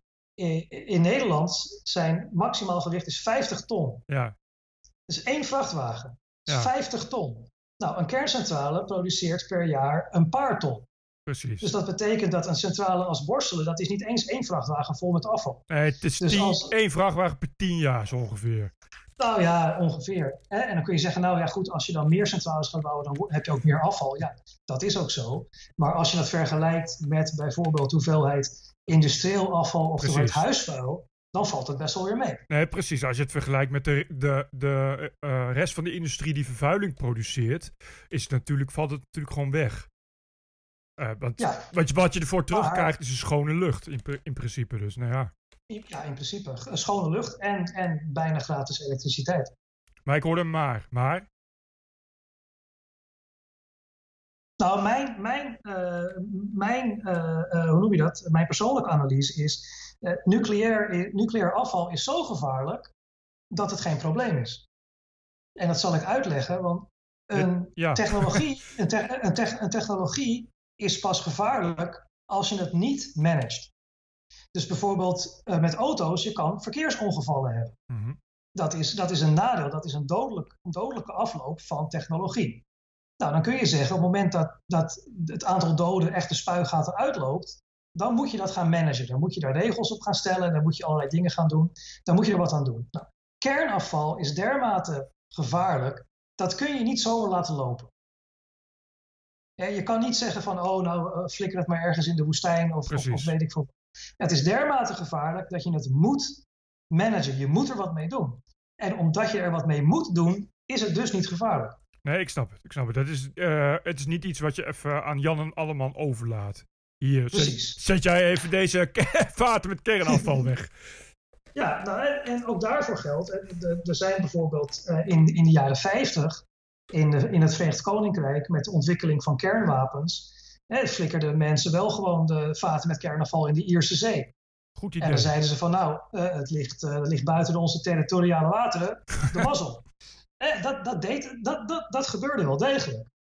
En nou ja, eh, dus laten we zeggen dat 70 jaar aan ervaring en 70 jaar aan milieuwetgeving verder. Precies. En wij, wij vinden dat, als we daar nu naar terugkijken, vinden we dat volkomen belachelijk. Oké. En het is, het is natuurlijk ook best mogelijk dat 50 jaar vanaf nu, dat de mensen zeggen, nou ze waren toen zo, uh, Pietje, precies met dat kernafval, dat, dat sloeg ook nergens op. Nee, precies. Dus, dus, ik, ik, begrijp wat je zegt. Dit is, dit is, je hoeft hier niet over te twijfelen of dit goed gemanaged gaat worden. Want dat, dat, gaat, het dan, dat gaat het sowieso wel. Oké, maar nou goed, nou, nu, nu weten we in elk geval uh, uh, of het veilig is en of het afval geeft. Vraag is nu, is het op den duur wel goedkoper en efficiënter dan alle andere vormen van energie opwekken? Ja, Oké, dat, is een duidelijk, dat is een duidelijk antwoord. Ja, daar was ik al bang voor, inderdaad. Want, want ik weet niet, wat, wat, kost een, wat kost een normale kolencentrale? Nee, maar je moet niet denken, je moet niet denken in, in hoeveelheden. Uh, je moet niet denken in geld. Geld is, is monetair. Je moet denken in energie mm. en energierendement. Ja. En om een, om een voorbeeld te geven, de energiedichtheid van uranium is 3 miljoen keer hoger dan de energiedichtheid van steenkool. Oh, dat is wel dus veel. Dat ja, dus dat betekent dat als je 1 gram uranium verbruikt, dan verbruik, dat is evenveel als 3000 ton kolen. Jezus. Is dat goed berekend? Of drie, is het 3 ton of 3000 ton? Ja, nee, moet ik even uitrekenen. Maar, 3 ton is 3000 kilo. 3 ton is, dus dat is, ja, dus het is 3 ton. Dus 1 gram uranium is 3 ton kolen. Hmm. Nou, dat is, en, eh, en, dat is een, dergelijk, uh, een dergelijk groot verschil. Daar kun, je, daar kun je met geen enkele chemische e energie tegenop. Nou ja, dat gaat, dat... nee, dat snap ik. Maar jij zegt geld is, is nou, monetair. Maar goed, je moet die dingen dus wel bouwen. En je hebt een hele infrastructuur nodig. Juist. en daar komt bij, je kan dus wel zeggen van ja, maar goed, het levert schone lucht op. Maar ja, voor het vervoer en de bouw stoot je natuurlijk ook weer heel veel CO2 uit. Dus is dat wel rendabel? Nou, als het gaat om, om CO2-uitstoot, dan ook daarvoor geldt weer dat afhankelijk van waar je kijkt. Maar over het algemeen komt het erop neer dat, dat nucleair is, heeft een van de laagste totale uitstoot van zowel CO2 als SO2. En uh, nucleair scoort zelfs nog lager dan zonne-energie en windmolens per kilowattuur. Ook als je de, de, de, bouw van de kerncentrale en de, de mining en de infrastructuur erbij ah, berekent. ja, als je, als, je, als je alles meeneemt. Oké, okay, nou, dat is duidelijk. En, en, de, en de reden dat, dat bijvoorbeeld zonnepanelen uiteindelijk uh, een vrij hoge CO2-uitstoot hebben, is dat het vrij veel energie kost om al die materialen uit, hè, uit, de, uit het gesteente op te lossen en dan de panelen te maken. En die panelen gaan daarna maar heel, nou, relatief weinig energie leveren. Exact, exact. Ja, 13 procent. Maar, maar, maar, maar, je hebt helemaal gelijk. Uh, je kan zeggen, nou, kernenergie heeft een enorme energiedichtheid. Maar als het onbetaalbaar is, ja, dan heeft het geen zin. Ja, is, maar is het wel betaalbaar dan? Nou, dat is een hele goede vraag. En uh, ook daarvoor geldt weer. Uh, in Nederland, ik, weet, ik denk niet dat er in Nederland banken zijn die voldoende reserves hebben om een dergelijk risico te kunnen nemen. Op dit moment. En uh, hier in Japan is de economie, uh, Japanse economie is groter dan de Nederlandse economie. Ja. Dus uh, laten we zeggen, de, de, de kosten van één kerncentrale meer of minder, dat maakt voor het hele land niet zo heel veel uit. Maar in Nederland heb je de, de, de situatie dat je, je, hebt ook nog te maken met het feit dat energiebedrijven grotendeels in buitenlandse handen zijn. Ja, ja. Dus dat, dat kostenplaatje dat wordt heel ondoorzichtig. Ja, nou ja, goed. Zeker als je we hebben het niet over één kerncentrale. Je hebt alleen al Nederland zou je dan ja, 15 nodig hebben. Uh, ja. ja, maar ook daarvoor geldt. De, de, eerste centrale is duur. Ja. Want voor de eerste centrale moet je bijvoorbeeld een infrastructuur aanleggen. Je moet bijvoorbeeld uh, stralingsmeetsystemen aanleggen. En je moet mensen opleiden om voor de vergunningstrajecten. En je mhm. moet mensen opleiden voor, om de, uh, voor, als operators. En je moet bedrijven hebben om uh, maintenance te doen aan de pompen en dergelijke. Maar als je eenmaal de eerste centrale hebt, dan heb je die, die infrastructuur, die heb je al. Dus de tweede centrale is een stuk goedkoper. Oké. Okay. En de derde centrale, dus het moment dat je, de eerste, uh, dat je de eerste eenmaal hebt, dan heb je dus, laten we zeggen, de, noodzakelijke uh, minimuminfrastructuur heb je dan al op poten, anders kun je de centrale niet bouwen. En dat betekent dus dat een tweede of een derde centrale, laten we zeggen, relatief eenvoudig is om die erbij te bouwen. Juist. Maar al met al zou het uit kunnen, zeg jij. Nou, ook daarvoor geldt weer, het is afhankelijk van wie het vraagt, maar uh, nou, over, het, als je... over, het algemeen, over het algemeen komt het op neer, kostenramingen voor nucleair zijn het laagst van allemaal, maar de foutenmarge is het grootst van allemaal. Juist, maar goed, nee, maar ik, dat, dat, dat snap ik. Maar die, als, je, als je daar als overheid, zou je daar dus op in kunnen zetten, et cetera. Het is niet, het is niet, uh, niet per definitie onbetaalbaar. Zeker niet als je het, is, doorrekent. Het is, het is niet per definitie onbetaalbaar. Uh, sterker nog, voor grote industriële uh, partners. ik weet niet, vroeger, Borselen is destijds gebouwd voor een aluminiumbedrijf in Zeeuws-Vlaanderen. Die aluminium, aluminiumbedrijf heeft een grote hoeveelheid elektriciteit nodig. Ja. Dus die, maak, die maken dan een contract. Die zeggen dan, nou, bouw voor onze kerncentrale. Wij kopen 90% van de elektriciteit voor 40 jaar. Mm -hmm. Nou, dan weet je dus, op het moment dat je gaat bouwen, heb je, heb je dus gegarandeerde financiering. Nee, precies. En in Finland uh, bijvoorbeeld is men nu bezig om een centrale te bouwen. En daarvan is alle energie is, is al verkocht voordat de centrale in bedrijf is. Nou goed, maar dat is ook een manier. Maar dan, dan heb je het natuurlijk niet over, over, een, over een nutsbedrijf. En, en is het.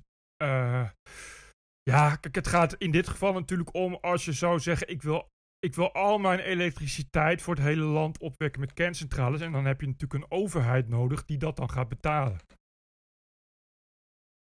Nou, dat is dus nog maar de vraag. Want uh, om met Bert Brussen te spreken, uh, overheidsingrijpen, what can possibly go wrong? Ja, nee, ik, ik zou het liever ook niet hebben, maar daar... Nou, dat, is precies, dat, dat, is precies het probleem. Hè? Bijvoorbeeld een exploitant als, uh, laten we zeggen de exploitant van Borselen. Vroeger was het EPZ, ik weet niet of, tegenwoordig is dat misschien E.ON, dat weet ik niet. Geen idee. Zo'n exploitant, die wil best zeggen, nou, ik wil een kerncentrale bouwen en dan gaat de exploitant gaat, praten met de banken en met de pensioenfondsen voor de financiering. En vervolgens met de overheid voor het, uh, laten we zeggen, het, het wettelijke kader, dus de vergunnings, vergunningsaanvraag.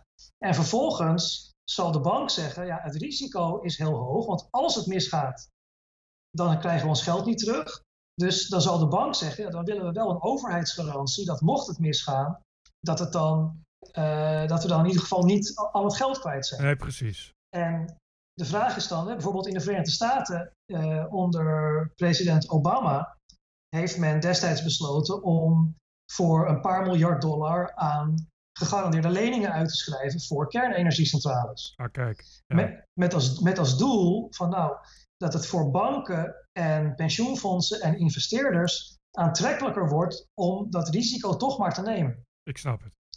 Ik snap en dat, een dergelijk systeem zou je in Nederland ook kunnen bedenken. Ja, ja, nou, dan, moet je alleen, dan moet je alleen opletten, want dan krijg je weer EU-wetgeving, illegale staatssteun en dergelijke. Dus dat is dan weer niet zo simpel. Ik wou net zeggen, daar zitten een hoop haken en ogen aan in, uh, in Nederland en de EU. Maar ik begrijp, ik begrijp wat je zegt.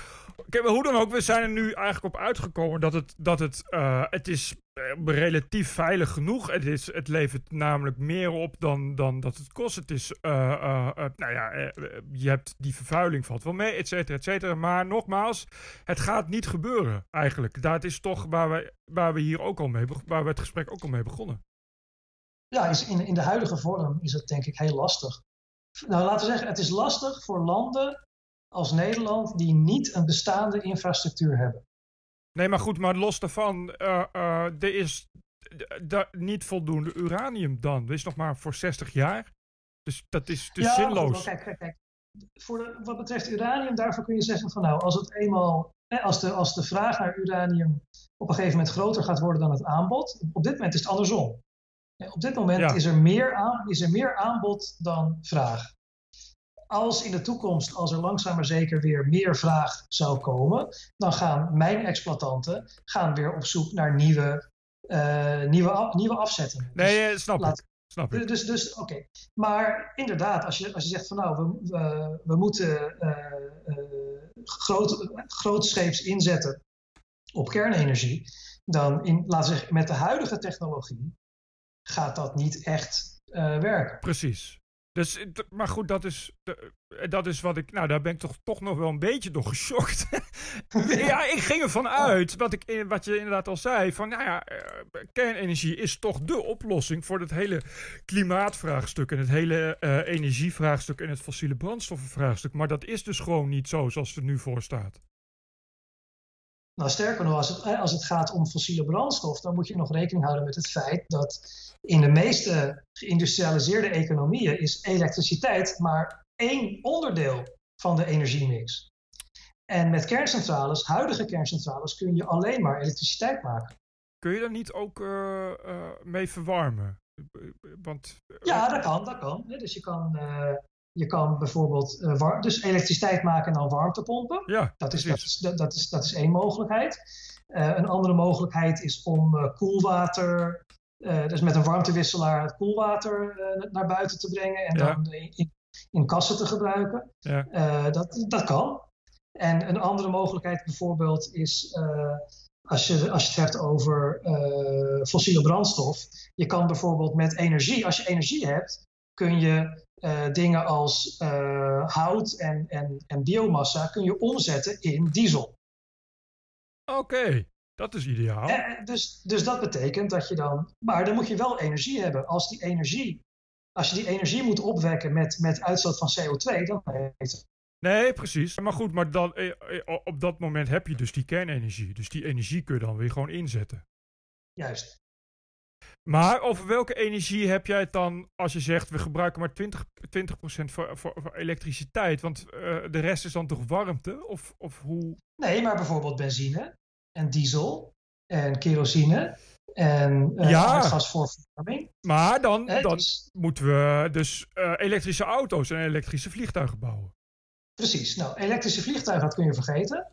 Want dat, dat gaat nooit vliegen, dat is veel te zwaar. Dus er zijn toepassingen waar elektriciteit niet gaat werken. Mm-hmm. Voor, ele voor elektrische auto's bijvoorbeeld. Een gemiddelde auto gaat misschien 15 jaar mee. Ja. Dus, uh, dus zelfs als je morgen alleen nog maar elektrische auto's verkoopt, ja. dan duurt het nog minstens 20 jaar voordat de, de laatste benzineauto van de weg af is. Exact. En dan kun je wel zeggen, eh, dan kun je zeggen, goed, de, de vraag naar benzine gaat langzaam maar zeker teruglopen. Dat is absoluut waar. Maar de kans dat je morgen gaat beginnen met 100% elektrisch in de, als, nieuw, als nieuw verkoop, dat is ondenkbaar. Nee, en, en sowieso, je, ook daar weer zit je weer, wat die auto's moeten gemaakt worden en gebouwd. Dus dat juist, is geen, geen, juist. Je ontsnapt inderdaad natuurlijk niet aan het gebruik van fossiele brandstoffen. Oké, dat, dat is, je, daar, heb je, daar heb je een punt. Uh, maar... nou, het, kijk, het enige wat je kunt doen is bijvoorbeeld, hè, als je zegt van nou, uh, dingen als biodiesel. Hè, als je uh, planten kunt fermenteren en daarmee diesel kan maken, dat, dat zou een oplossing kunnen zijn. Ja. Maar ook daarvoor, goed, daar zit ook weer wat haken in de ogen aan. Ik wou net zeggen, dan kom je natuurlijk alweer snel op, op, op een van de vele bekende problemen die, die je ook alweer terugziet in, in biomassa of, of uh, biologische gassen en weet ik veel wat. Juist, uiteindelijk juist. komt het altijd weer op hetzelfde neer. Dat je dat, ja, je kan energie gaat dat, en hoe dan ook, uh, kost dat fossiele brandstof en hoe dan ook verstookt dat CO2 natuurlijk. Juist. Uh, maar goed, ja, het zit er voorlopig niet in. Tenzij, en is dat wat je zegt, tenzij we uh, verder gaan en, en, en mogelijkheden creëren voor die snelle kweekreactors? Nou, er zijn op dit, dus ja, snelle kweekreactoren is één, is één mogelijkheid. Er zijn op dit moment ook uh, in Europa en in de VS, er zijn een aantal, laten we zeggen, uh, start-ups, dus technologiebedrijven, die bezig zijn met dingen als gesmolten zoutreactor. Dat is een, een nieuw, nieuw type kernreactor. Dat, dat is ooit één prototype gebouwd, maar dat was niet echt een groot succes. En uh, die, die bedrijven, dat zijn dus, uh, laten we zeggen, YouTube- en Google-achtige ondernemingen. Ja. en, en die proberen dus, van nou, wij proberen een nieuw soort kernenergie te maken, zodat het kleiner is en veiliger en desalniettemin toch concurrerend in prijs. Ja. En zo, als, als we dat product in de markt kunnen zetten, dan zullen de exploitanten dat gaan kopen. Ja. En, dan, en dan kun je dus hopelijk uh, meer kernenergie gaan gebruiken. Maar en, uh, dan heb je nog steeds uh, uranium nodig? Of... Nou, dat, dat kan je met, met uranium doen, maar bijvoorbeeld in uh, een, land als, uh, een land als Japan en ook in Frankrijk, er is heel veel, uh, hoe noem je dat, spent fuel, dus af, afgewerkte splijtstofstaven. Ja. Daar zit nog, daar zit nog een, een flink deel plutonium in. Dat, plutonium, dat plutonium kun je eruit halen en dan kun je weer opnieuw gebruiken. Dus dat betekent dat je het, het, het, de behoefte aan natuurlijk uranium kun je verminderen. Maar dan krijg je dus de Greenpeacers weer, weer op je nek. Want die zeggen dan, ja, afzonderen van plutonium, dat is kernwapens. Oh, ja. Nou, kijk, daar, daar krijg je natuurlijk weer, dat is een gevaar voor, voor, voor terreur en, en rogue states en dat soort dingen. Precies. Precies. Dan gaat en, iemand gaat dan die, die, dat, dat, uh, uh, dat, die plutonium uh, op de markt zetten en dat soort dingen. Nou, dat, dat is een. Hè, dus op het moment dat je laten we zeggen, op het moment dat je dergelijke technologie uh, creëert, en dat je bijvoorbeeld een, in Frankrijk staat een commerciële opwerkingsfabriek. Ja. Plutonium is ook een zwaar, is ook een zwaar metaal. Mm -hmm. Zoals lood. En is gewoon heel giftig. Mm -hmm. Dus je wil niet dat het in het grondwater terechtkomt. Of dat iemand in de fabriek een foutje maakt en uh, anderhalve liter plutoniumoplossing door de pleeg spoelt. Ja, nee, of dat. Ja, ja goed. Precies. Dus, en dus er zijn, er zijn uh, uh, organisaties, bijvoorbeeld in de VS heb je de, de Union of Concerned Scientists. Ja. En, en die, die zeggen dan van ja, dat opwerken, dat heeft zoveel problemen, dat loont nooit de moeite, moet je nooit aan beginnen. Oké. Okay. Uh, opwerken is, is, is het gebruiken van dus, dus, dus uh, afvalsplijtstoffen. Die, die... Juist. Oké, okay. Ik moet even weten wat opwerken dan is, want Ja. dat is weer uh, iets apart. Ik heb, wel, want ik heb wel gehoord van opwerkingsfabrieken, maar dat is puur, Ja, dat is puur voor, voor kernwapens nu. Nou, laten we zeggen dat de, de, de, de technologie is destijds ontwikkeld voor kernwapens. Ja, precies. Maar je, je kan het ook gebruiken voor, de commerciële, eh, voor het commerciële opwerken. Nee, snap ik. En zijn er En- nog, nog andere manieren om. eh, want waren ze niet in Noorwegen of Zweden eh, de, de deutonium, deuterium? Zijn er niet, was er niet iets nieuws ook waar, waar hoge, hoge verwachtingen van zijn? Nou, dat kan misschien thorium geweest zijn. Thorium, maar dat- thorium, dat, Ja. dat woord zocht ik. Wat is thorium? Eh, thorium is een scheikundig element dat eh, lijkt heel veel op uranium. Ja, Maar het is, het is een heel klein beetje lichter, lichter dan uranium. Thorium komt voor in, op de planeet Aarde ongeveer vijf, zes keer zoveel als uranium. ja, En eh, thorium kun je net als uranium, als je, dat, als je thorium bestraalt in een kernreactor, dan thorium zelf kun je niet gebruiken, maar het transmuteert naar uranium. oké. En dat uranium kun je wel gebruiken. Ja, precies. En dus de, de, de, de thoriumcyclus, bijvoorbeeld in Duitsland. In Duitsland, vanwege de oorlog, eh, mocht men eh, geen plutonium gebruiken. Mhm, vanwege vanwege de, het, het, natieverleden. mhm. In Duitsland begon, begon men onderzoek naar thoriumkweekreactoren. mhm. Want het idee is, dan maak je geen plutonium, maar je maakt toch extra brandstof. Ja. En, maar verder is het proces hetzelfde. Dat is gewoon een kerncentrale uiteindelijk weer. Je moet, ja, je moet, een, je moet een, een, rea- een reactor eh, bouwen waarmee je de brandstof bestraalt. Dus je begint met puur thorium, dat ga je bestralen. En dan moet je dan, eh, na de bestraling breng je dat naar een fabriek, Ja, opwerking, opwerkingsfabriek. ja. En dan haal je het uranium, het splijtbare uranium, haal je eruit. En dat splijtbare uranium, dat kun je gebruiken voor een andere kerncentrale. Ja, precies. Maar dat, het gaat dus om de uranium. Dus, dus het is niets, Juist. niets anders Juist. dan een makkelijke manier om meer uranium te krijgen. Juist. Nee, ik dacht dat het een heel ander proces was. Maar dat, en Nee, nog, nee, nee. Het is, nog even voor, voor, voor de leken. Eh, eh, wat is het verschil tussen een kerncentrale en een en, en kernfusie? Want dat is, dat is toch ook een verschil? Ja, kernfusie is een, is een heel, ander, heel ander proces. Ke- Kernfusie is het proces waarbij eh, lichte atoomkernen, dus eh, waterstof, helium, lithium, Ja, eh, waarbij lichte kernen samensmelten tot zwaardere kernen. ja. Dus het is precies het tegenovergestelde van kernsplijting. oké. Dus, dus je maakt, je, je begint met deuterium en waterstof en misschien een beetje tritium. En dan krijg je fusie en dan maak je helium en dan maak je nog meer fusie. En bij elke fusiereactie maak je een klein beetje energie. Oké. En, En dat is de energie waar ook de zon op draait. is in een kernfusiecentrale is eigenlijk het opwekken van een kleine zon. Juist. Oké, dat is dus. En, en, en een dergelijke centrale wordt momenteel gebouwd in Zuid-Frankrijk. Ja, precies. Dus En- ITER, ITER, ITER-project, het doel van ITER is om een werkende kernfusiereactor in elkaar te zetten. Juist. Maar, en dan heb je veel meer energie dan een gewone kerncentrale. Nee. Oh, wat is dan het voordeel Want- van kernfusie?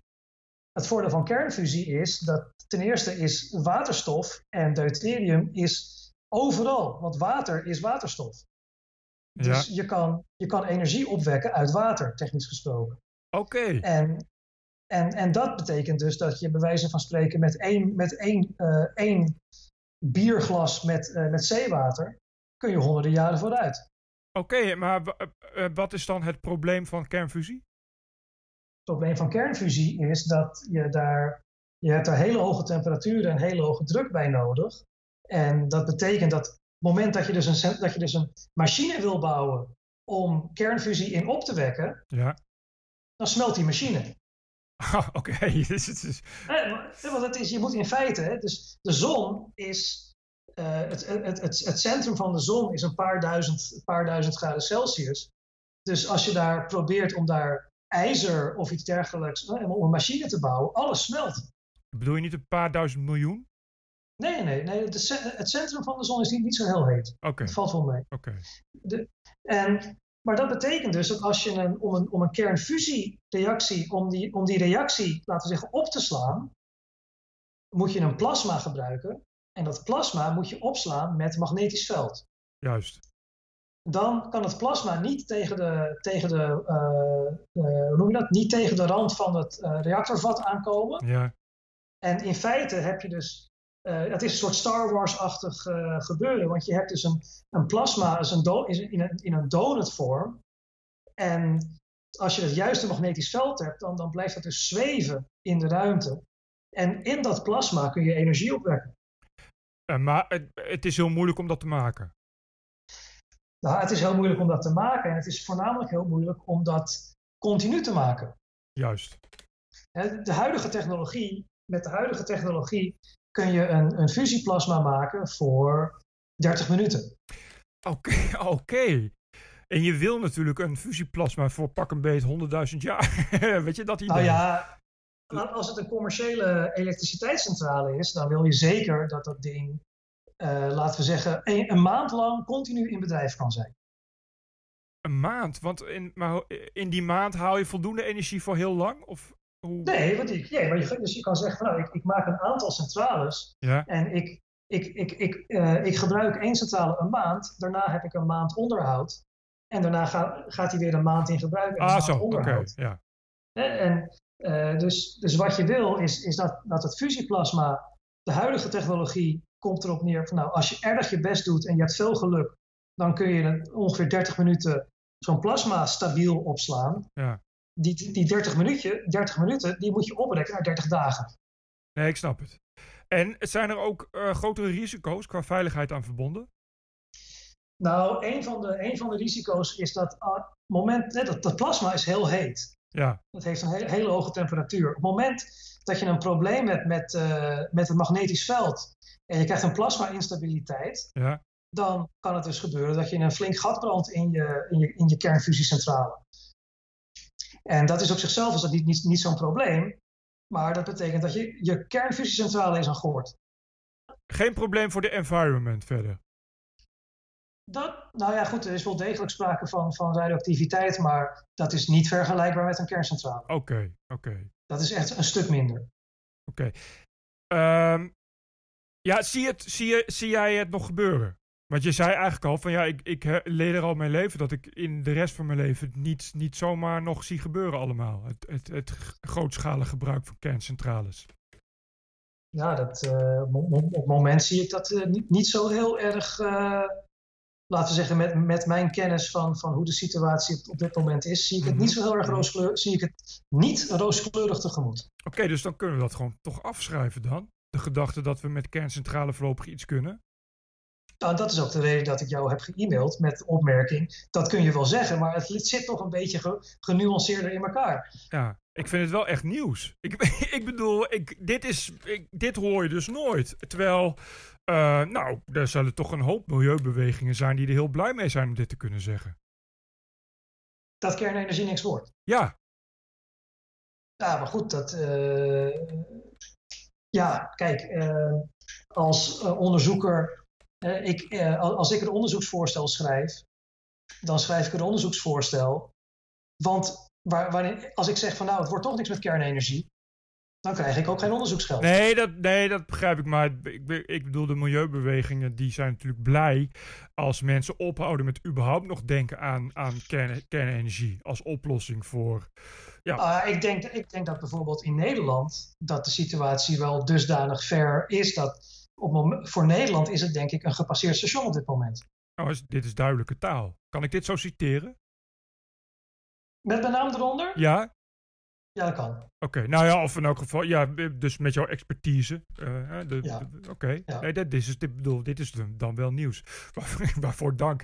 ik wist het inderdaad niet. Ik wist het inderdaad niet. Even nog even, ik, we zijn al anderhalf uur bezig, dus eh, het lijkt me ook leuk om weer een eind op te bereiden binnenkort. Maar ik wil nog wel weten hoe, want jij bent eh, ingenieur en geen, geen, geen natuurkundige, of niet?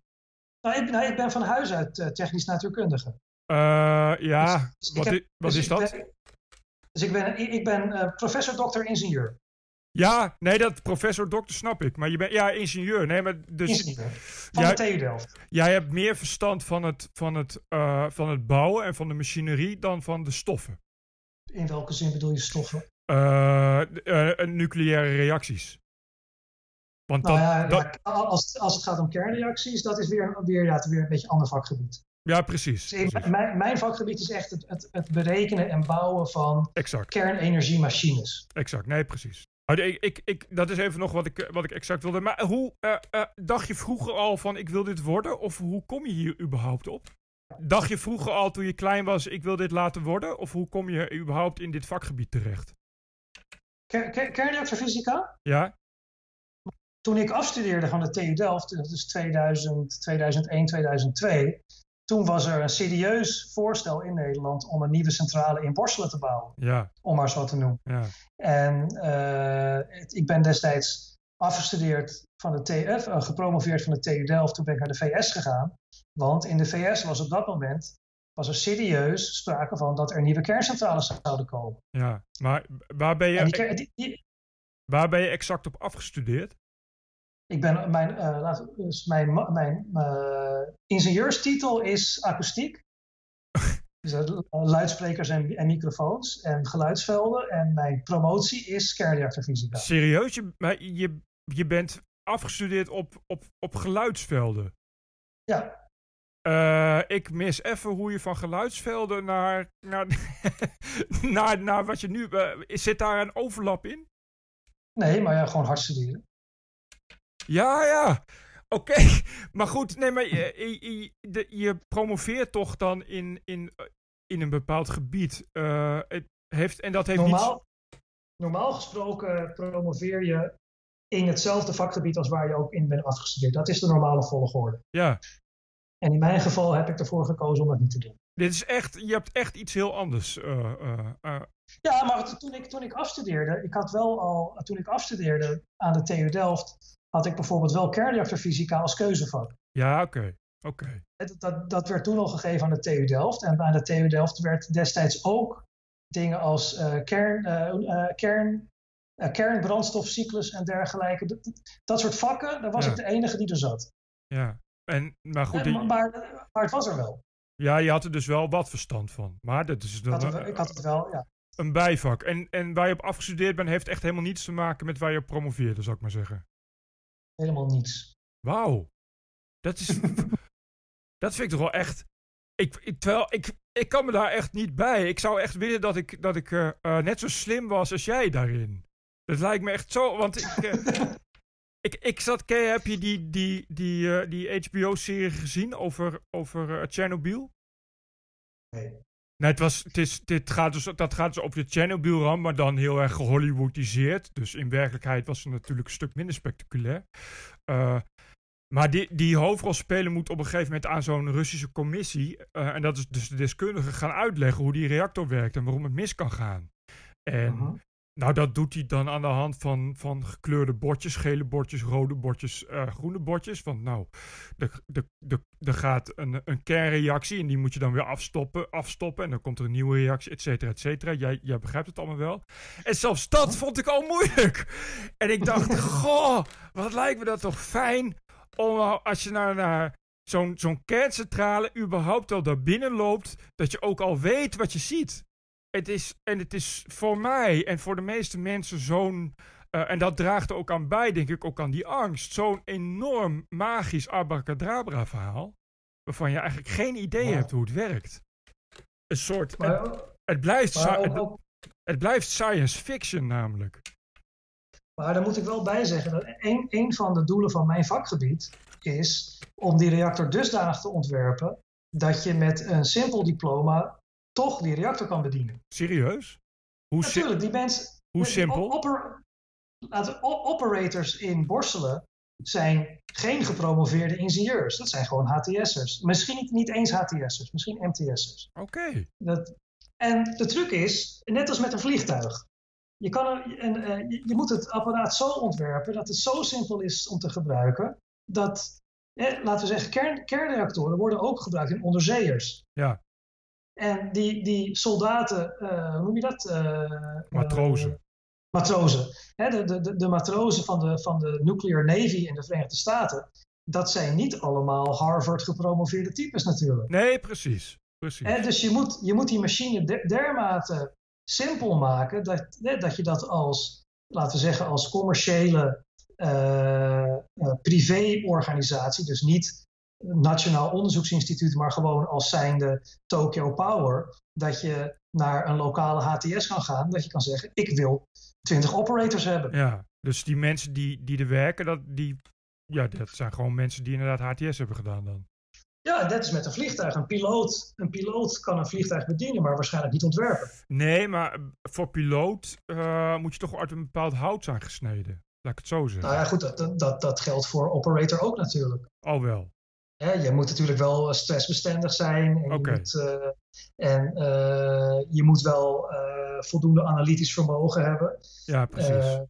Maar in de praktijk komt het erop neer dat je, net als met, met verkeers, verkeers, verkeersvliegtuigen, je moet zo vaak oefenen dat al die scenario's, dat het allemaal min of meer ingeprogrammeerd zit. ja, precies.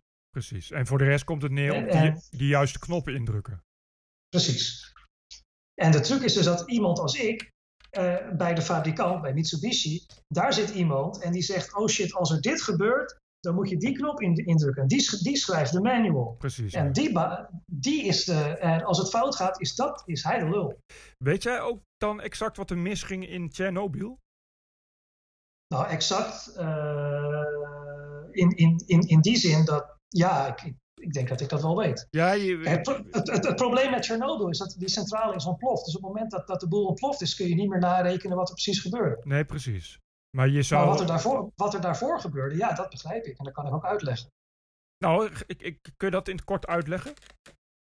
Nou, wat ze in eh, de Chernobyl-reactor was een bepaald type kernreactor waar het mogelijk was dat als de temperatuur omhoog ging, dat ook het vermogen omhoog gaat. Ja. Nou, als het vermogen omhoog gaat, gaat de temperatuur nog verder omhoog. Dan krijg je nog meer vermogen, nog hogere temperatuur en uiteindelijk die kernreactie die loopt helemaal weg. Ja, Nou, dat is wat er in Chernobyl is gebeurd. En de reden dat dat gebeurde was dat de, ze, hadden, ze waren bezig met een experiment.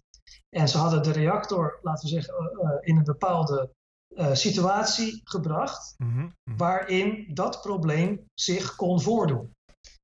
En het probleem was dat die operators, die wisten dat niet. juist. Want die operators die zijn gewoon opgeleid om normaal, eh, normaal eh, steady state eh, dat, die reactor te bedienen. die mensen hadden geen speciale opleiding voor dit soort specifieke experimenten. Mhm. Nou, dan kun je zeggen, oké, die reactor is toch verkeerd ontworpen, want blijkbaar is het toch mogelijk Precies. dat als je, als je lak hebt aan de, aan, de, aan de regulering, als je gewoon doet en, en bij wijze van spreken neus dicht en gaan, dan kan het dus vreselijk misgaan. En dat is het probleem met, het, met dat eh, Chernobyl-ontwerp. En dat is ook de, dat met een, laten we zeggen, met een westerse centrale, westerse reactor, is dat onmogelijk. Ja, dat, daar hebben we van geleerd ook, mag ik aannemen. Nou, nou dat, de, de, de westerse, westerse centrales zijn gebaseerd op een ontwerp voor, voor kernonderzeeërs. Ja, En in een kernonderzeeër, je wil van alles, maar je wil niet dat de re- reactor ontploft. juist. Dus toen men in 1952 begon met het ontwerpen van kern, een kernreactor voor eh, onderzeeërs, toen hebben ze ervoor gekozen van nou, we moeten dat systeem, de machine moet dusdanig zijn dat als een of andere domme matroos eh, flauw valt en per ongeluk met zijn hoofd op het eh, bedieningspaneel valt, Precies, precies, dan nog, dan nog moet het niet verkeerd gaan. precies. En dat En op die manier, en dat is hoe, hoe ook de Nederlandse kerncentrales zijn gebouwd. Het hebben Ja. de, eh, Borselen in elk geval. Dus je kan, ja, ik kan, als, ik, ik kan gewoon in, in als, ik, als ik naar Borselen ga en die kerncentrale inbreek, kan ik willekeurig knopjes indrukken zonder dat het misgaat.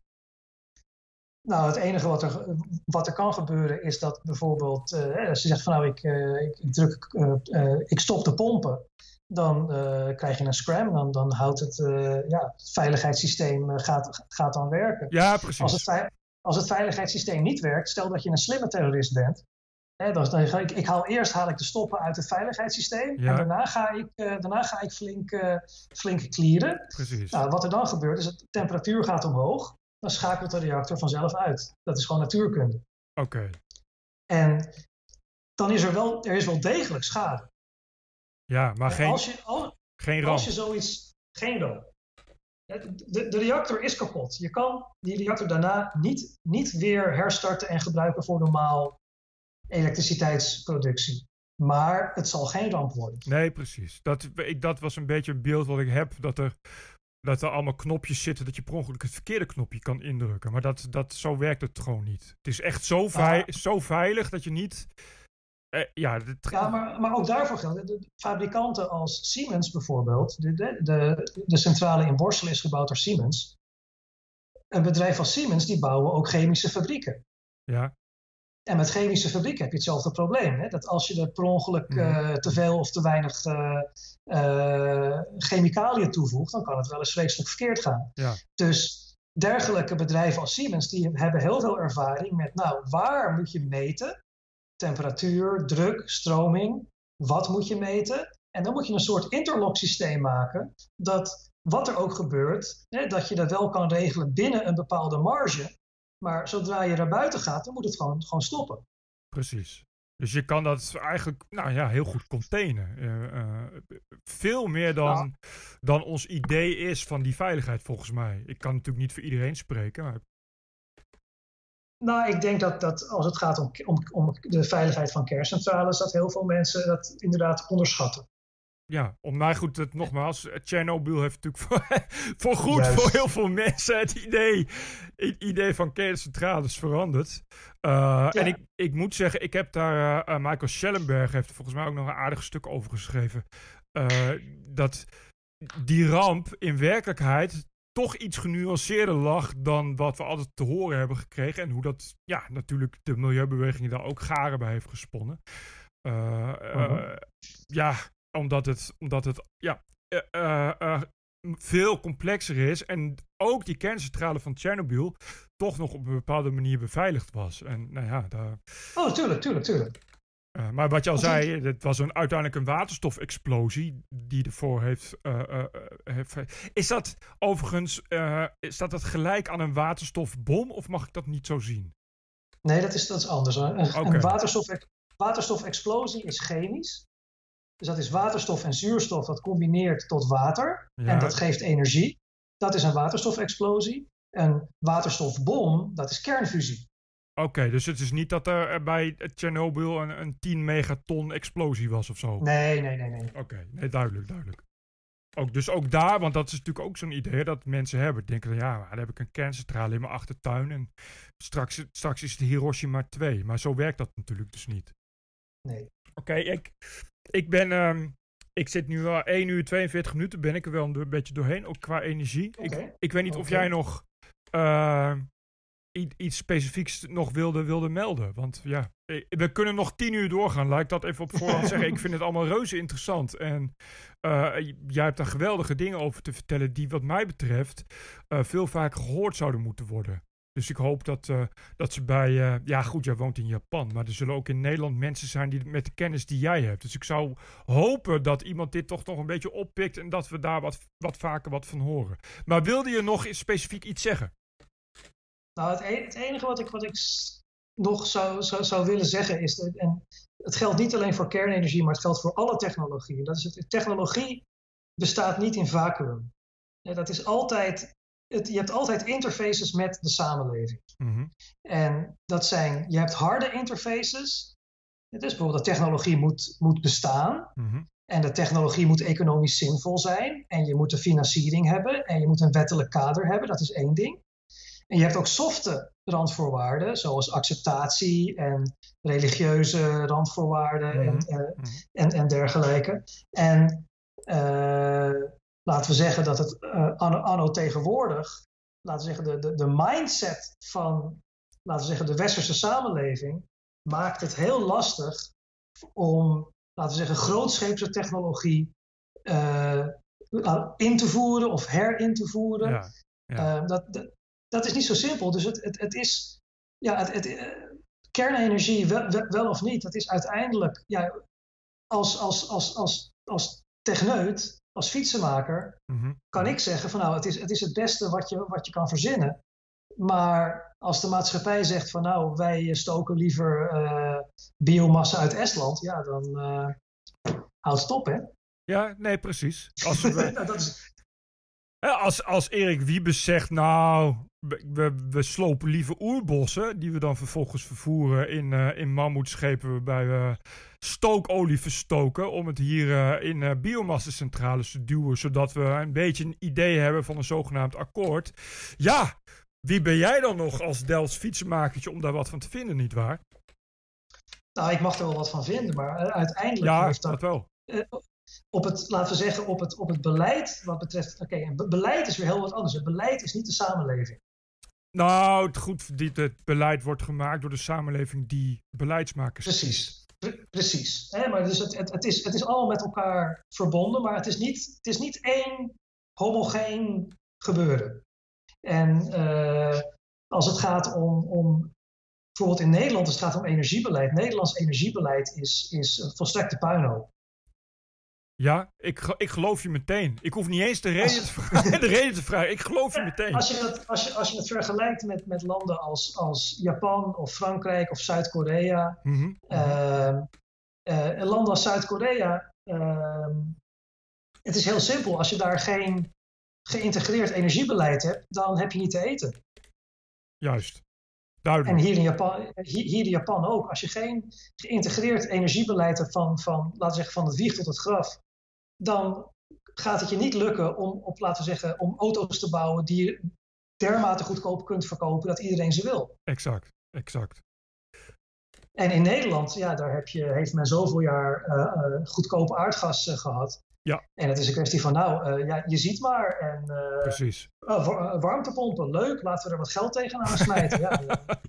ja en, en, op die, en het ene jaar is het de warmtepomp, en het volgende jaar is het biomassa, Ja, en het derde ja, jaar ja, is, ja. Het, eh, is het weer wat anders. En dat is ook, en dat is een van de redenen dat grootscheepse eh, technologieën als, als kernenergie, dat dat in Nederland heel lastig is. Ja, ja. Nee, dat, Want dat Eh. snap ik. Wij zijn daar niet... Ja, die Japanners, die doen dat dus al sinds ze überhaupt ooit energie nodig hadden, zou ik maar zeggen. ja, die hadden eh, op het moment dat de industrialisering begon en ze stroom kregen, al de gedachte, waar gaan we stroom vandaan halen? Eh, nou ja, in ieder geval, waar gaan we de kolen vandaan halen? precies, waar gaan we de grondstoffen vandaan halen? Ja. Nee, dat, dat, dat is inderdaad eh, een, een, een probleem, of in elk geval een ding waar je niet zomaar overheen kan kijken. Mhm. Kunnen we afsluiten met zeggen dat je nog een keer herhaalt dat wat in Nederland in elk geval kernenergie wel een gepasseerd station is? Naar mijn mening een gepasseerd station. Oké, ja, nee, naar jouw mening. Dat, dat, dat, dat zet ik even, even dubbel, dubbel onder. Maar Ja, kijk, het is, het is, het is uiteindelijk het is niet, niet aan mij om, dat te, om, om te bepalen of, of iets wel of niet gaat gebeuren. En, en, ja, maar naar mijn mening zou ik zeggen, als iedereen zegt, nou, je moet morgen beginnen met kerncentrales bouwen, dan zeg ik, kan niet. Dat is Nee, gewoon dat is onmogelijk. Precies, nee, En, duidelijk. in, en in, in die zin is het dus een gepasseerd station. Duidelijk, duidelijk. Tenzij misschien dus. eh, maar is, bestaat die tenzij wel als we wel nog doorbraken Nou- hebben in, in kweken, kweektechnologieën? Nou, kijk, in Nederland, en het, het, het eerste wat je zou moeten doen, is dat de overheid eh 10, 15 jaar een vast beleid omtrent energie moet invoeren. En dat niet ieder jaar aanpassen als er, eh, oh god, 1 graad eh, CO2 meer of minder. Nee, je moet gewoon zeggen, nou, we gaan de komende 15 jaar, gaan we eh, deze energiebronnen gaan we, eh, laten we zeggen, promoten. Mhm. En dit gaan we, en andere dingen gaan we niet promoten. En het hoeft ook niet, je moet het ook niet financieel promoten, maar je moet het bijvoorbeeld aantrekkelijk maken voor, voor commerciële partners om dergelijke, dergelijke technologie te ontwikkelen. Ja, Dus voor een kerncentrale, je moet je dus niet aan denken van dat de Nederlandse overheid aandeelhouder wordt en met Nederlands belastinggeld een kerncentrale bouwt. Ik denk dat je dat niet moet doen. Maar wat je wel kan doen, is je kan bijvoorbeeld zeggen, nou, we maken een vergunningssysteem dusdanig dat als je weet van nou, als je in het begin zegt van nou, je mag het bouwen, dat je dan ook weet dat je die centrale ook mag gebruiken. ja, Want op, moment, op dit moment zijn die vergunningen zijn apart. Dus je krijgt eerst een vergunning om te bouwen, daarna een vergunning om te, om te bedrijven. ja. Als je dus die, die, die centrale gebouwd hebt, maar je krijgt die tweede vergunning niet, dan ben je de lul. Aha, dus dan ga je hem ook niet bouwen. Want je weet niet Dan zeker of je die niet, dan, vergunning ga, dan, krijgt. ga je, dan ga je hem ook niet bouwen. Dus je moet dat soort dingen, en, da- en dat is het wettelijk, het wettelijk kader, dat kun je zonder, laten we zeggen, zonder financiële, voor de overheid zonder financiële bijwerkingen, dat zou je wat vriendelijker kunnen, kunnen instellen en vasthouden voor een periode van 10 tot 15 jaar. Ja, maar goed, nee, ik, ook dat zie ik dus niet gebeuren in Nederland voorlopig. Zeker nu niet. Zeker nu niet. Nee, dat is Dat is een, eh, inderdaad een, een, een, eh, eh, ja, een doodlopende weg of een gelopen precies koers. dat, voor, voor een land. Ja, nou, voor, daarom zeg ik voor een land als Nederland, als ik, als ik de randvoorwaarden in aanmerking neem, dan is het waarschijnlijk een gepasseerd station. Zeg, hoe lang zit jij eigenlijk al in Japan nu? Eh, deze zomer 11 jaar, Eh, onafgebroken. onafgebroken. Bevalt dat? Ja, dat valt prima. Je, je spreekt vloeiend Japans of, of bestaat Ik, dat eh, niet? ik, ik spreek vloeiend Japans, ik geef college in het Japans, ik schrijf mijn e-mails in het Japans. Jezus. Ik kan zelfs een, kan zelfs een onderzoeksvoorstel op het gebied van kernenergie en neutronentransporttheorie in het Japans schrijven. Dit meen je niet. Ja, maar kijk, toen ik, toen ik hier solliciteerde, 11 jaar geleden, ja, toen ik hier solliciteerde, was het heel duidelijk. De Japanse wet, wet op het hoger onderwijs zegt, onderwijs wordt in het Japans gegeven, punt. Dus op het moment dat ik hier aankwam, toen ik hier solliciteerde, sprak ik al Japans. hoe- je, bent in Nederland alvast Japans gaan studeren? Of, Nou, en toen ik, eh, toen ik, af, ik ben afgestudeerd van de TU Delft. ja? En toen heb ik een jaar lang deelgenomen aan een eh, exchange-programma tussen de Universiteit van Leiden en Japan. Ja?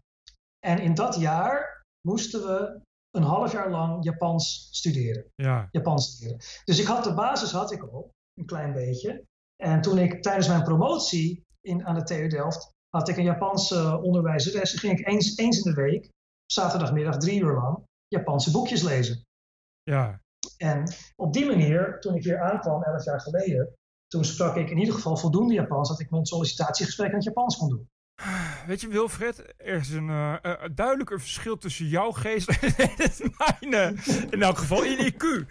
Ik woon nu al, eh, al twee, meer dan twee jaar op Gran Canaria. Maar om nou te zeggen dat, ik, Mhm. dat ik de basis, basis, basis van Spaans onder de knie heb, nee. ik, ik ben bang dat jij toch zo iemand bent die daar iets sneller in is om dingen op te pikken dan ik. Die kans Ja, is, dat- is, dat is is- heel groot.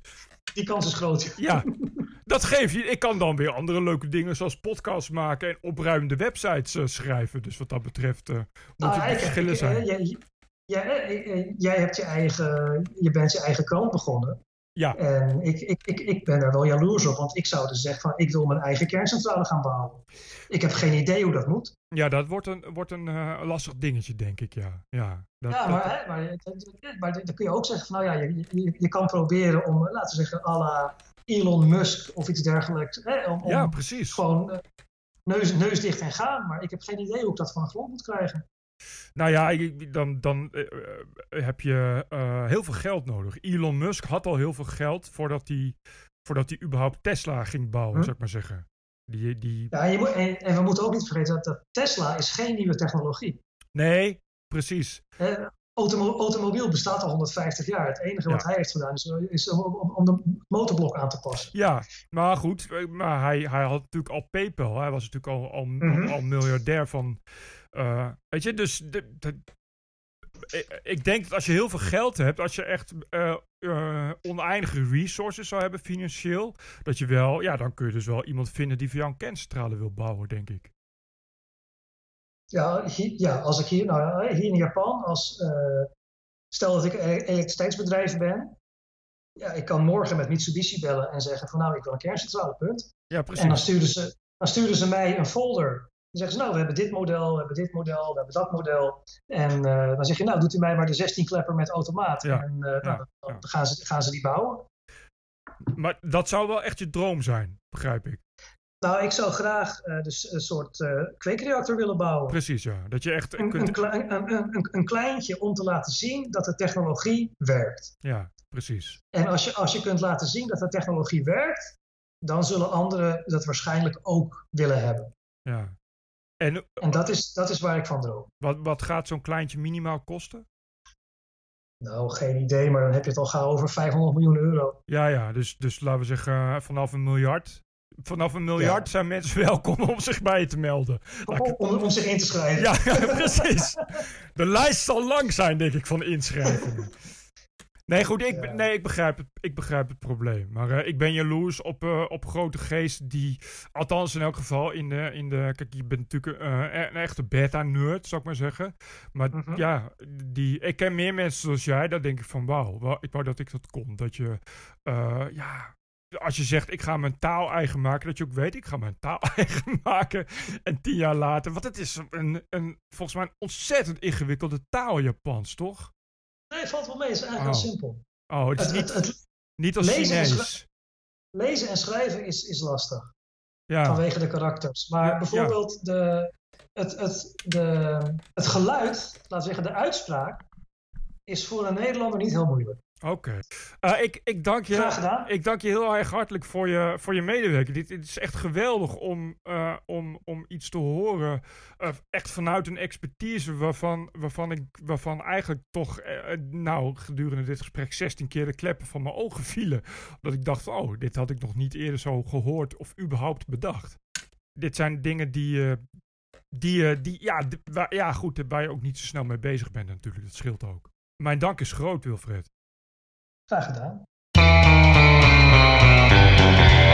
TPO Podcast. Bert Brusen, Roderick Velo, Ranting and Reason.